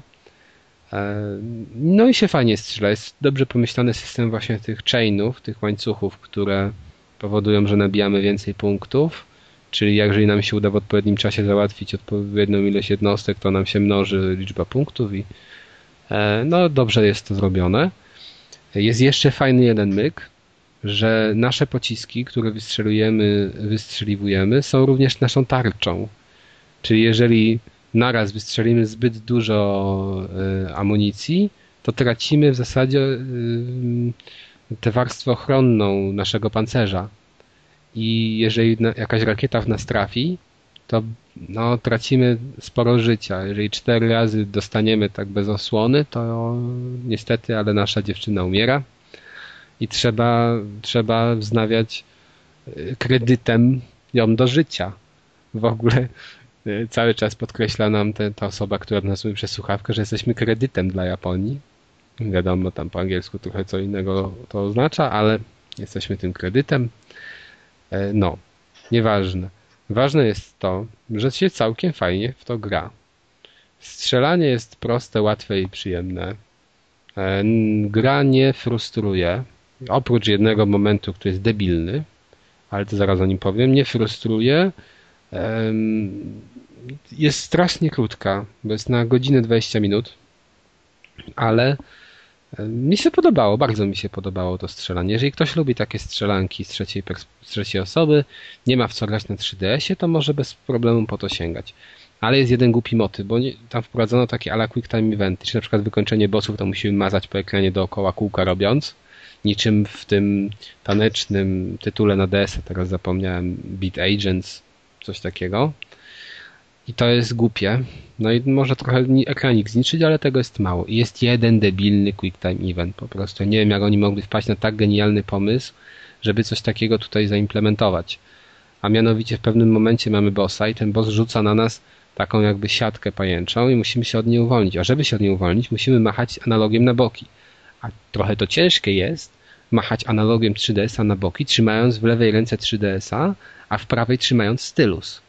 To jest mega wnerwiające i to spowodowało, że ja w ogóle no, musiałem, ginąłem wiele razy i w końcu na niższy poziom trudności sobie zszedłem i od początku grałem i przeszedłem później bez problemu.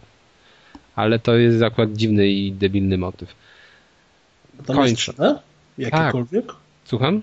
Jest jakikolwiek efekt 3D? Jest efekt 3D, ale ten efekt 3D jest słaby. mnie niczym się nie wyróżnia. No jest słaby, tyle.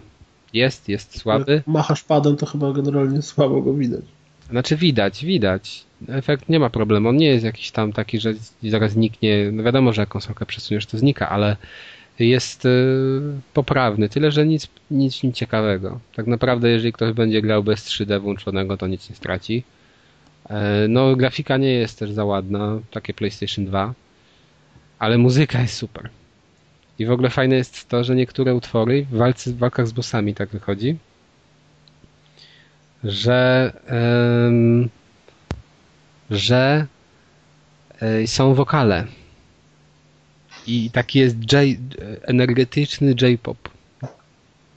I e, no i jak to fajnie w ogóle słyszy się, jak Laska po japońsku śpiewa taką energiczną, elektroniczną muzę e, i ty nawalasz tego bossa. Naprawdę fajna sprawa. E, no i chyba tyle. No tytuł krótki, więc nie będę się dłużej rozwodził. I tak chyba mi to dużo, długo, wiele czasu zajęło, ale jeżeli ktoś nie ma naprawdę w co grać na 3DS-ie, to jest fajny tytuł. Tyle, że miejcie na uwadze, że jest bardzo krótki i jeszcze jedna ważna rzecz, bo ludzie wiem, że lubią bardzo leaderboardy, czyli te rankingi sieciowe. Niestety nie ma tu rankingu sieciowego, jak to jak wiadomo usługi to Nintendo. jak to u Nintendo nie ma. Więc. E, Ale to ta gra jest na, na półtorej godziny, tak? Ja dobrze pamiętam? Tak. tak. Mhm. Za 36 zł. 32. Czyli taka wizyta w kinie. Fajnie, no taka wizyta w kinie. Może, może wiesz, ja przesadzam może trochę. No raczej nie przesadzam, bo nawet patrzyłem na godzinę. No i tak mi wyszło, że około godzina może Ale ma to jakikolwiek sens, y, nie wiem, grać jeszcze raz na wyższym poziomie trudności, czy... Ma sens, bo tam masz taką dodatkową, odblokowujesz sobie galerię. I, I ta galeria to są takie, ale wiesz, nasze trofea na innych konsolach. E, że musisz określone wypełnić tam e, zadania. Powiedzmy, że musisz, nie, nie pamiętam teraz dokładnie, ale że wypalić tam ileś tych rakiet, zdobyć taki wynik, e, tam zabić w, jednym, w jednej salwie iluś tam przeciwników. E, I to jest, e, no, tylko że ta galeria to w zasadzie masz tak, główne filmiki ci się odblokowują już po przejściu gry, a tam to masz tylko opisy takie, że nie wiem, na przykład o tej technologii, która jest zawarta w grze, o tej historii, bo tak większość historii właśnie poznajemy z galerii i opisów, na przykład jak doszło, kto najechał na Japonię i inne takie szczegóły, to poznajesz w zasadzie z galerii. No i to przejście gry umożliwia ci odblokowanie kolejnych elementów galerii. Dlatego, ale to jest też właśnie taki tytuł, że wiesz, że możesz sobie, masz wolną chwilę, to go odpalasz i 10 minut przejdziesz stage'a. Jesteś zadowolony, bo, bo gra się fajnie. No i tyle nie ma, nie ma co więcej się rozwodzić. No, wydaje mi się, że powinno to być jednak trochę tańsze, że ja, tak bym to polecił za 20 zł, to wziąć, ale boję się, że u Nintendo to nie będzie obniżki. Więc nie wiem, trzeba się zdecydować. E, po tym, co mówię, bądź po przeczytaniu recenzji jakiejś, bądź po zobaczeniu gameplayu. Ale no to... chyba takie produkcje nie są za długie, bo Brez też był krótki w sumie. No tak, no to jest taki arcade w zasadzie. No tak. Tyle, że też tutaj mm, no jest mało sudy w sudzie. Tu nie ma żadnych takich, mało sudy w sudzie, bo tu nie ma takich schiz, tak? W Lollipop no, było więcej.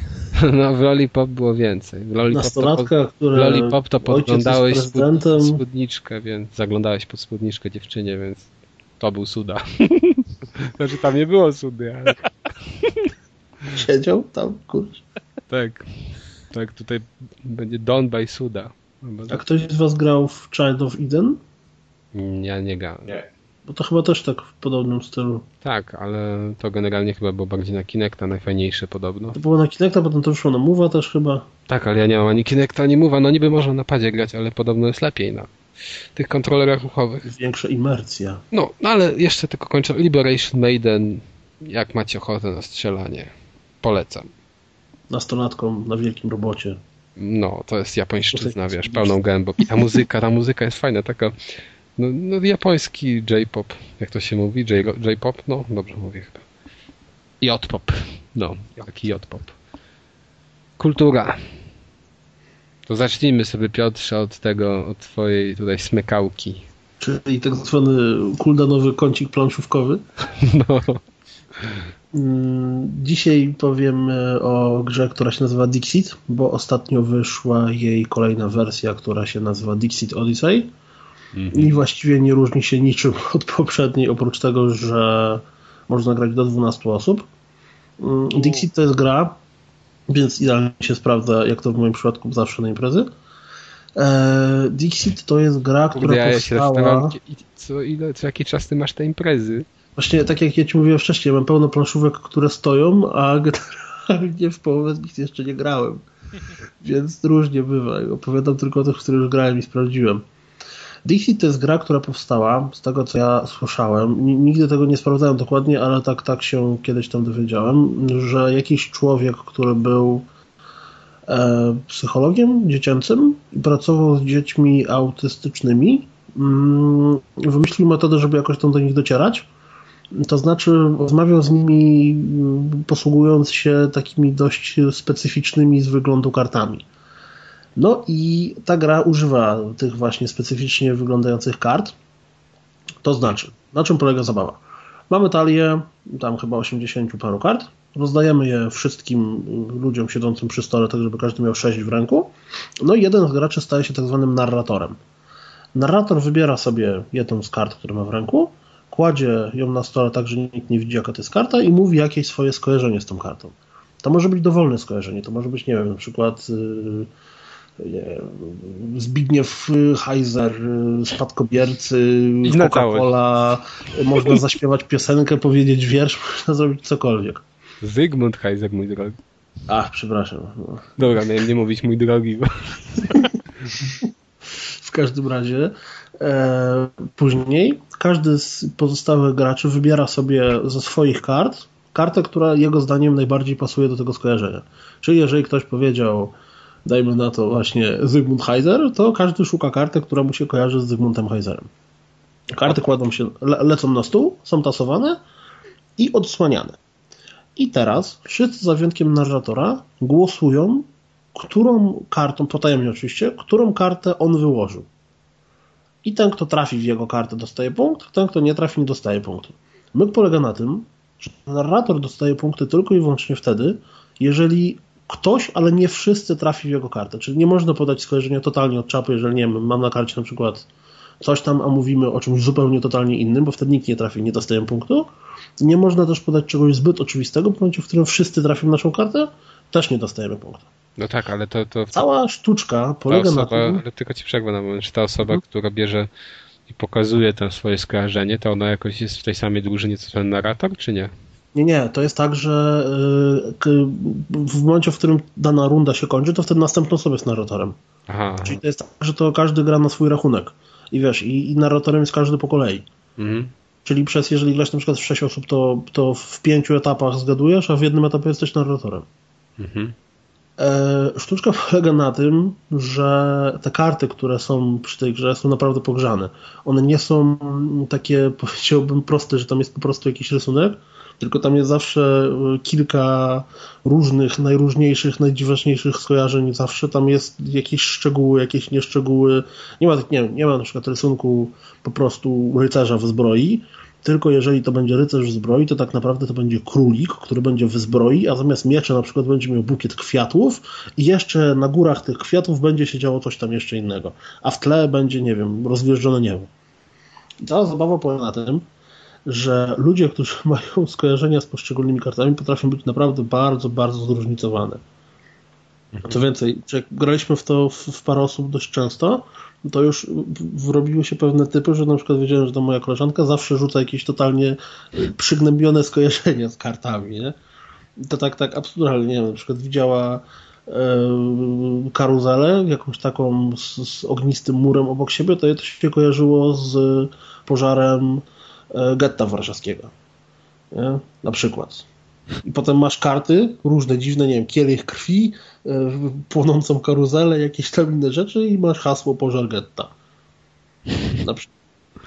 Więc jest to gra, generalnie jest to gra, którą im w lepszym gronie znajomych się gra, tym jest ciekawiej, dlatego że łatwiej możesz odnaleźć czyjeś skojarzenie. Oczywiście w momencie, w którym gra się parami, no to czasami są skojarzenia, które są do rozszyfrowania tylko i wyłącznie przez, przez tą drugą osobę. Ale wiesz, to jest taki Ale generalnie... do, dobry myk na małżeństwo, żeby sprawdzić, jak znasz drugą osobę. No, ale wiesz, potem właśnie to ma, to ma dwie strony medalu, dlatego, że dobry myk w momencie, w którym twoja partnerka mówi kartę, którą, o, ty na pewno będziesz wiedział, która jest moja i potem pudło, to trochę, trochę kicha. To wiesz, to takie nowe, no, nowe zadanie do czarpary.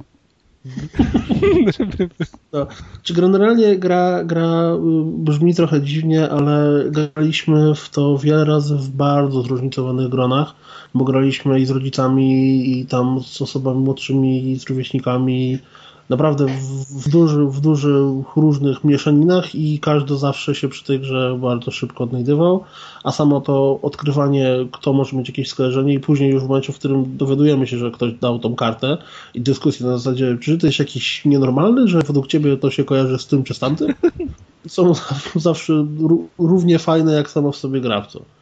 Jedną wadą jest to, że ona jest dość droga, bo kosztuje około tam 130 zł chyba, i to jest tak, że wyszła sobie y, kiedyś tam gra Dixit, gdzie była, po prostu by te zasady i tam można było grać w 6 osób, a teraz wyszła gra Dixit Odyssey, która różni się tylko i wyłącznie tym, że ma inną talię kart i e, można grać w 12 osób, bo zamiast karteczek, którym po prostu jest inny sposób głosowania.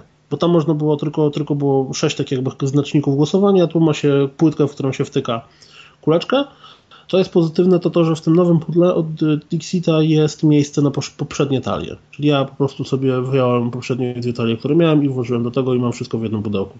Nie muszę szukać i kombinować. Bo jak się gra w 12 osób, to te rundy bardzo szybko się kończą. Mhm. No, no, a, a powiedz mi, czy to ma sens, jeżeli ty poznasz wszystkie te karty? Ma, dlatego że każdy ma inne skojarzenia. Nawet z tą samą kartą możesz mieć najróżniejsze skojarzenia. Aha. W zależności od dnia, od nastroju, od tego, jaki film ostatnio widziałeś, od yy, naprawdę. No warto, warto byłoby zobaczyć, jak wyglądają te karty, bo mówię, one, one nie są takie banalnie oczywiste, tak? Tam nie ma nigdy jedne, jednego obrazka, który jest tak po prostu taki sam z siebie wynikający, że masz na tym obrazku, tylko zawsze możesz tam się doszukać 30 różnych skojarzeń w zależności od osoby, okoliczności, nastroju, ilości alkoholu i tak dalej. Okej. Okay. Generalnie polecam. Tak czy No fajnie to brzmi, naprawdę. Zresztą Tylko no, poprzednia no, też fajnie brzmiała, ale ta chyba lepiej. Jak, we wszystkich, znaczy to jest wiesz, zupełnie co innego, bo tamta gra Jungle Speed to jest taka typowa imprezówka, gdzie po prostu jest y, alkohol tak dalej.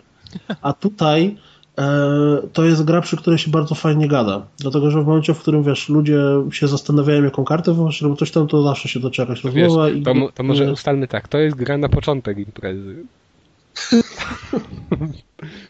Tamta jest już... Ja, ja, bym powiedział, ja bym powiedział, że to jest taka, taka, y, w takich planszówkowych wieczorach to ona zazwyczaj idzie jako druga, dlatego że tutaj rozgrywka potrafi trwać około godziny, więc wiesz, na początek musi iść coś, co jest szybkie, jakieś 15-minutówka.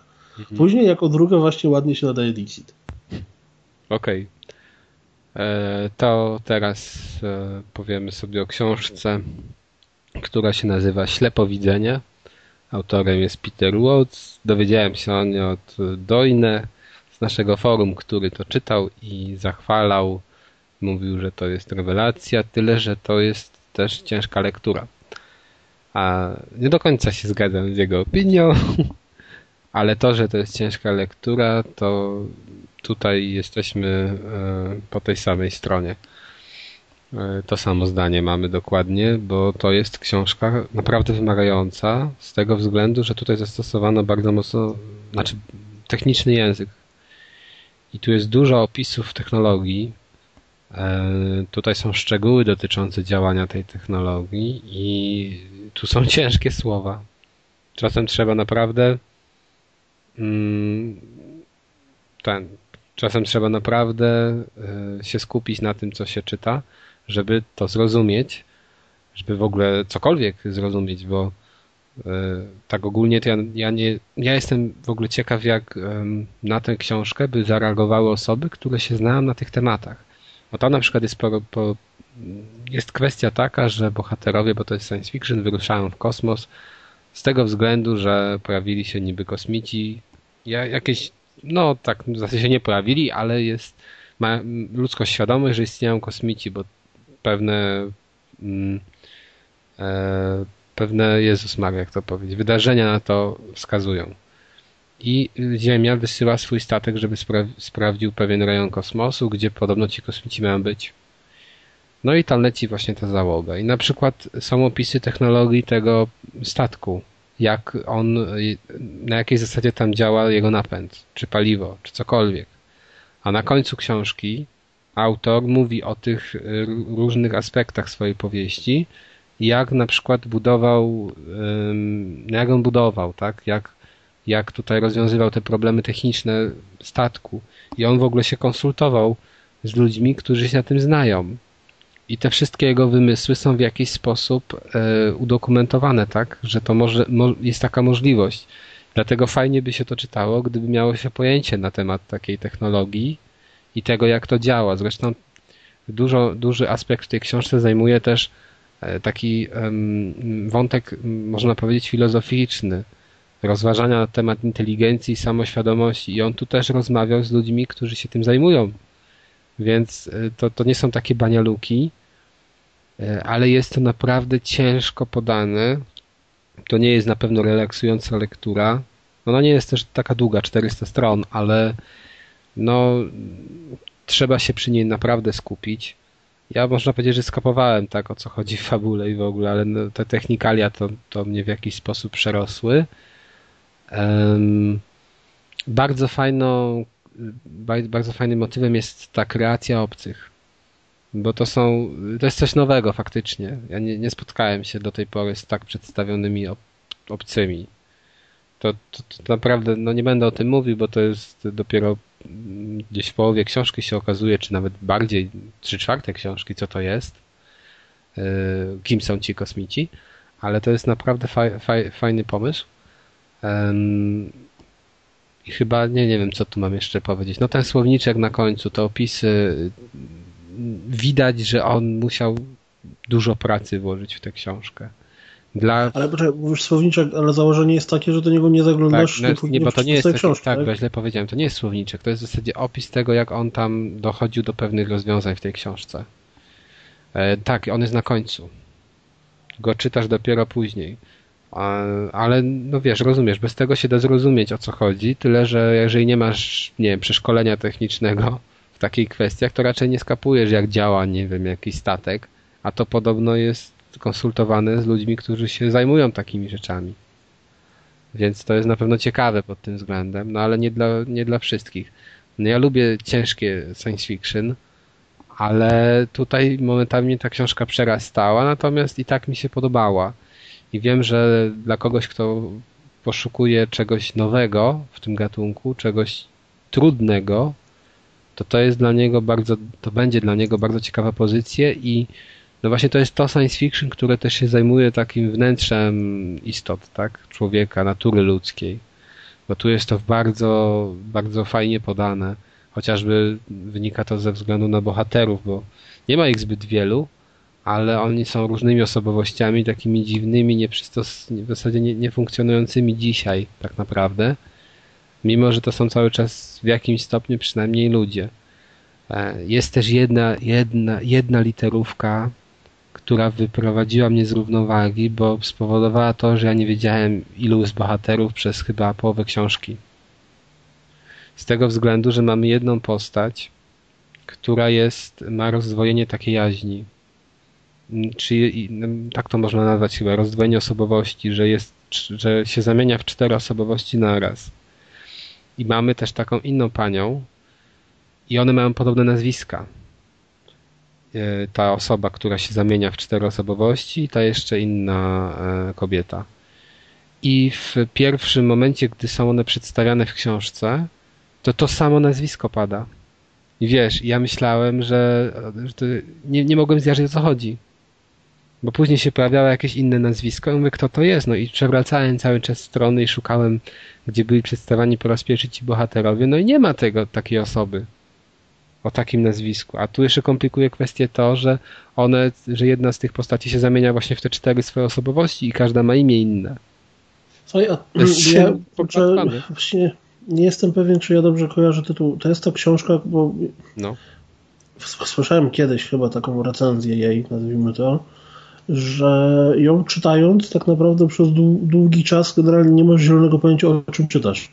To znaczy, nie wiem, przez pierwsze 100 stron przeczytałeś i tak naprawdę połowę z tego, co tam jest używane jako po prostu normalne, znane słowa, nie rozumiesz. No, powiem ci tak, że ja rozumiałem o co w tym chodzi, bo generalnie sam zamysł jest bardzo prosty, ale ciężko czasem zjarzeć. Um, no chociażby kwestię tego, że ludzie się dowiedzieli, że obcy przylatują tutaj do nas. Jakby, że, że istnieją obcy. To jest tak dziwnie wyjaśnione, że ja zrozumiałem to w taki no, trochę pokrętny sposób. Ale byłem w stanie zrozumieć, że oni przez to się dowiedzieli na przykład, że to są obcy. Tyle, że to jest też takie, wiesz, takie skoki chronologii i w ogóle. I to jest też skomplikowane w tym sensie, że na przykład masz jeden rozdział, który się dzieje we współczesności, inny rozdział się dzieje gdzieś tam 20 lat wcześniej, a inny się dzieje w, innym, jak w innej rzeczywistości. A ta książka jest bardziej nastawiona na, na właśnie samą w sobie, nazwijmy to science fiction, czyli na, te, te, na to, że są obcy, że jest statek, że on leci mu misję i tak dalej, czy bardziej na rozważania o, o, o ludziach, o podejmowaniu tak, decyzji. Tak sądzę, że tu jest. Hmm. Powiedziałbym, że ciężko tutaj postawić, wiesz, jednoznaczną taką granicę między tymi dwoma i powiedzieć, która jest e, bardziej reprezentowana. Ja sądzę, że tu jest dużo technikaliów i bardzo dużo też filozofii. I cie, takiej dosyć ciężkiej sięgającej właśnie problemu samoświadomości na przykład, czy coś takiego istnieje. Nie, czy to jest nie nadaje się do czytania pod poduszkę. A ciężko. Ja czytałem, ale ciężko to się czyta pod tym względem. Natomiast nie, nie, nie czytałem tego wcale długo, o dziwo. Dosyć szybko przez to przebrnąłem. No i mi się podobała, ale no powiedzmy sobie szczerze, że to nie jest taka literatura, że wiesz, że przeczytasz i już chcesz następną. No, czytałem recenzję i, ludzi bardzo mocno skłaniała do refleksji, chociażby nad istotą właśnie człowieczeństwa czy nad, i nad tym, że ci kosmici są tak e, przedstawieni jako, no, no, nie, nie powiem co, ale e, ta ich właśnie, ta, ta wizja y, obcych jest tutaj podana w inny sposób niż gdzie indziej. I no to jest książka, którą czasami właśnie czytasz, bo czasem mm, są, mają schizy bohaterowie. I to jest tak, że czytasz i, i tak myślisz, o co, o co chodzi? Dlaczego tutaj to ona robi? Co, dlaczego krzyczy? Dlaczego coś? Ale to się mniej więcej wyjaśnia, tyle że później. W następnym to rozdziale. To jest pisane w której osobie? To jest pisane... Tak normalnie, standardowo, że jest po prostu narrator, który Jezu, opowiada? Ja zawsze takie rzeczy, wiesz, ale to jest pisane w, chyba w pierwszej osobie. Bo masz jednego A. głównego y, bohatera. I on jakby to przedstawia ze swojej perspektywy. No tak, w pierwszej osobie. I on to przedstawia ze swojej perspektywy. Mimo, że jest ich czterech, tak? Nie, to są inni bohaterowie. Masz jednego kolesia, który jest tak zwanym syntetykiem, bo w tym świecie ludzkość jest podzielona na takich zwykłych ludzi, takich bardziej inteligentnych, można powiedzieć, wyższych i on jest kolesiem, który tłumaczy te idee tych wyższych tym niższym. Okay. I to jest główny bohater. Masz, masz kobietę, która ma rozdwojenie, rozczwornienie, nie wiem jak to powiedzieć, osobowości. Masz jedną gościarę, która jest y, takim wojskowym, masz kolesia biologa takiego, tak to można określić, który ma badać, wiesz, naturę ciała chociażby, jak znajdą gdzieś obcych, to, to jak to będzie tam wyglądać i funkcjonować. I masz jeszcze takiego ponad, nad człowieka, można powiedzieć, który jest uważany tutaj za wampira. I też tego do końca nie byłem, wiesz, nie myślałem, myślałem że długi czas, że wampir to jest metafora jakaś. A on tam właśnie jest to dziwny konstrukt. I tylko on, oni lecą w ten kosmos ale głównym bohaterem jakby jest ten syntetyk, czyli ten koleś, który tłumaczy te zawiłe idee temu, tej reszcie społeczeństwa i on jest obserwatorem na tym statku, on ma przekazywać ziemi, co tam się wydarzyło, co się działo. Taki PR-owiec. No i to jest takie, no, no, no też dziwny konstrukt, tak, bo takie coś dzisiaj nie istnieje e, w dzisiejszym świecie i ciężko to sobie uzmysłowić, o co chodzi. E, więc e, no to jest trudna lektura, bardzo trudna lektura. Nie wiem, czy ktoś z Was czytał ten, ten Milczeniowiec. Jezus Maria. Czy androidy marzą o elektrycznych owcach, czy śnią? Tak, ja czytałem, ja czytałem. No i też to jest, tam też masz dużo filozofii, dużo takich, jakieś niebo, nie niebo, takie dzi dziwne konstrukty, że taki niby internet, a to jest tak w podświadomości siedzi. Wydaje mi się, że to jest cięższa książka. Niż... Yy... Niż Blade Runner. Niż Blade Runner? Mhm. To jest w miarę nowe, czy też coś takiego starszego? Znowu ci słabiej słychać. E, tak, jest to nowe. 2006 rok. Mhm. Ale jest, no, świetne recenzje zbiera ta książka. Tyle, że no, ja sądzę, że w ogóle, no, jeżeli ktoś się tym interesuje, takimi właśnie przestrzeniami kosmicznymi, czy, czy, czy, czy taką filozoficzną nat naturą człowieka, jeśli tak mogę powiedzieć, to będzie mu się to na pewno podobać. A takim, wiecie, przeciętnym zjadaczom chleba i, i, i science fiction, to może nie do końca przypaść do gustu. Więc y, na własną odpowiedzialność, ale na pewno warto. Bo nie, nie spotkałem się jeszcze chyba z takim science fiction jak tutaj. Dobrze. A ty oglądałeś może przypadkiem kiedyś y, Battlestar Galactica? Nie. Akurat nie miałem przyjemności albo to nie takie, Mi to się kojarzy właśnie tak, znaczy jakiekolwiek twarde science fiction mi się właśnie kojarzy z tym i ciekawy jestem. Nie, nie, no mi się twarde science fiction właśnie kojarzy z Dickiem mocno. Nie, nie, nie całym, ale z taką, no z takim trudnym, że wiesz, że czytając to czasem nie wiesz co się dzieje. No i tutaj to jest. Ale tu jest to w ogóle... To mi się kojarzy w ogóle z... z narkotykami. Okej. Okay. ok, dobra, i kończymy. Uff, ale nam dzisiaj długi odcinek wyszedł. Kończymy płytą. Czyli mam tak. dzisiaj od wyboru do koloru kultury. Pewnie większość z nas zna, zna zespół Sabaton. Tak, 42 Tak. Warszawa walcz. Tak, Warszawa, Warszawa tak. walczy. Jezus w tym roku wydali nową płytę właśnie. Carolus Rex. Zajmują się raczej swoimi lokalnymi sprawami ze Szwecji. Mm. Właśnie śpiewają o tym, o swoim królu Karolu. U, to który już, tam to, został, to, to... został zamordowany tam w którymś roku, nie wiem, za bardzo się nie znam na historii. Mm. Są jakieś piosenki o Polakach na tej płycie? No. Nie, nie znaczy jest jedna eee, piosenka o Połtawie, Połtawie. Tam jakaś bitwa była właśnie Polaków chyba ze Szwedami, coś takiego. No i co? Jak to w ogóle, bo tam powiedzmy sobie szczerze, że chyba dla nas nie ma to znaczenia, czy śpiewają o kim, ale... No dokładnie. To przyznam szczerze, no to jest jedna z ich lepszych płyt. Na pewno nie najlepsza, ale dobrze się słucha. To kończymy. Ja, ja, ja szczerze mówiąc, jestem zszokowany, bo właśnie wszedłem na Wikipedię o tej płycie mhm. i po pierwsze są dwie edycje, edycja międzynarodowa tak, edycja i szwedzka. Wow. Po drugie, to jest naprawdę, nie spodziewałem się, mm, do każdego tytułu piosenki jest y, wypisana konkretna inspiracja sytuacją historyczną. No bo oni wow. tak piszą wszystkie piosenki. Oni właśnie tak starają się wszystko osadzać w historii. No a powiedz, bo wow. dla mnie na przykład Sabaton to jest pitu pitu, czyli takie ta, patataje. Patataje, no ale to i można o Manowarze tak powiedzieć. Oj, Manowar nie, nie. Ale ja Manowar też bardzo lubię. Manowar to nie patataje, nie, nie. No i to cały czas tak ten sam styl, nie ma żadnych tam zmian. No tak, nie ma zmian, no, power metal, trochę yy, heavy metalu. A. Szczególnie bym polecał właśnie kupno w podwójnej edycji. No co to jest podwójna e, edycja? To znaczy podwójna edycja, to znaczy na jednej płycie jest y, angielska, a na drugiej szwedzka wersja e, tej płyty. A czym one się różnią, że po szwedzku śpiewają?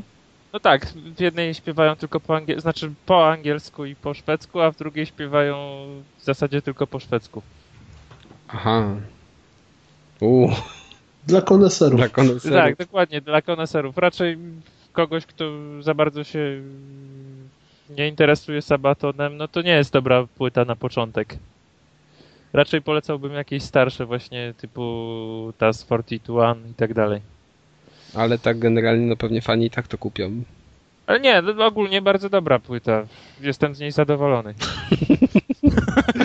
o kurde. Wow.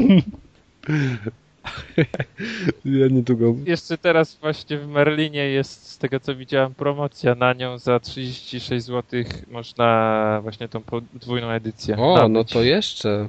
To jest o połowę, no o połowę ceny. Bo przecież, no właśnie, bo te, bo te płyty to jest masakra, na tak, 6 tak, dych teraz. Dyskutowaliśmy o tym wcześniej. Właśnie, no. że...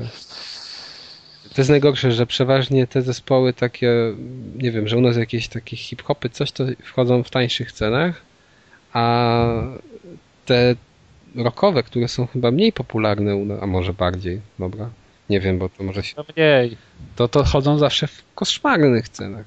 Teraz Kiss wydał nową płytę, trzeba będzie się kiedyś zaopatrzyć, ale też już chyba jest 60 zł. Czy w tej granicy, no.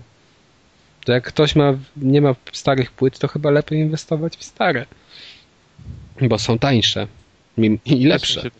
No, w większości przypadków, bo powiedzmy... To wszystko, co jest starsze. Jest nie, no ale powiedzmy sobie szczerze, że zespoły, które istnieją tam 30 lat, to już raczej nie nagrają Opus Magnum teraz. Tylko już nagrały. Więc... No wiesz, nigdy nie wiadomo. Może nagle jakaś e, szalona nuta inspiracji. Mm, no szalona, szalona nuta inspiracji i ten, i operacja, nie? Jeszcze na struny głosowe. Na dziadkach. Tak. No. Dobra. Dobra. Możemy sobie chyba już kończyć. Jeszcze tylko powiemy, że jest e, taki konkurs, który się nazywa European Podcast Awards jeżeli dobrze teraz pamiętam, a może się mylę, ale jeżeli wejdziecie sobie na stronę tutaj kolegów naszych z Pad TV, to na pewno tam gdzieś będzie link i oni biorą udział właśnie w tym konkursie. Zostali wytypowani i to jest chyba jedyny podcast o grach w Polsce, który jest tam wytypowany do tej nagrody i można głosować. Więc zachęcamy do sprawdzenia sobie no i zagłosowania. Bo już nawet kolegów tutaj z tego podcastu kojarzycie, bo u nas też gościli. Pozdrawiamy przy okazji i kończymy ten odcinek. A, no to jeszcze tutaj e, Marcin w ramach goszczenia u nas przygotował konkurs na gdzie można zdobyć kod. To jest kod Steamowy, tak? Czy na co? Tak, to jest kod Steamowy. Na, ten, na tę przygodówkę Blackwell Deception. I teraz co by tutaj zrobić? Właśnie też nie, nie zastanawiałem się nad tym. A, zrobimy... No to tam powiedz bez którejś cyfry, czy liczby, czy litery. Kto pierwszy trafi, ten będzie miał szczęście. A, tam już wiem, co powiem. Dla najwierniejszych fanów będzie, jeżeli ktoś będzie chciał zagrać. Czyli kto pierwszy wpisze w komentarzu, że chce to otrzymać na stronie. No, to wiesz, już mam pewność, że przesłuchał do końca. To ten otrzyma. To trzeba e, Atka prosić, żeby nie robił rozpiski za szybko. Tak, trzeba Atka prosić, żeby nie robił rozpiski. Dobra. To do usłyszenia. Już Deusz sobie musiał niestety pójść, więc nie będzie się z wami żegnał, ale tu my się pożegnamy. Do usłyszenia w następnym odcinku. Na razie, cześć. Cześć, cześć. Cześć, cześć.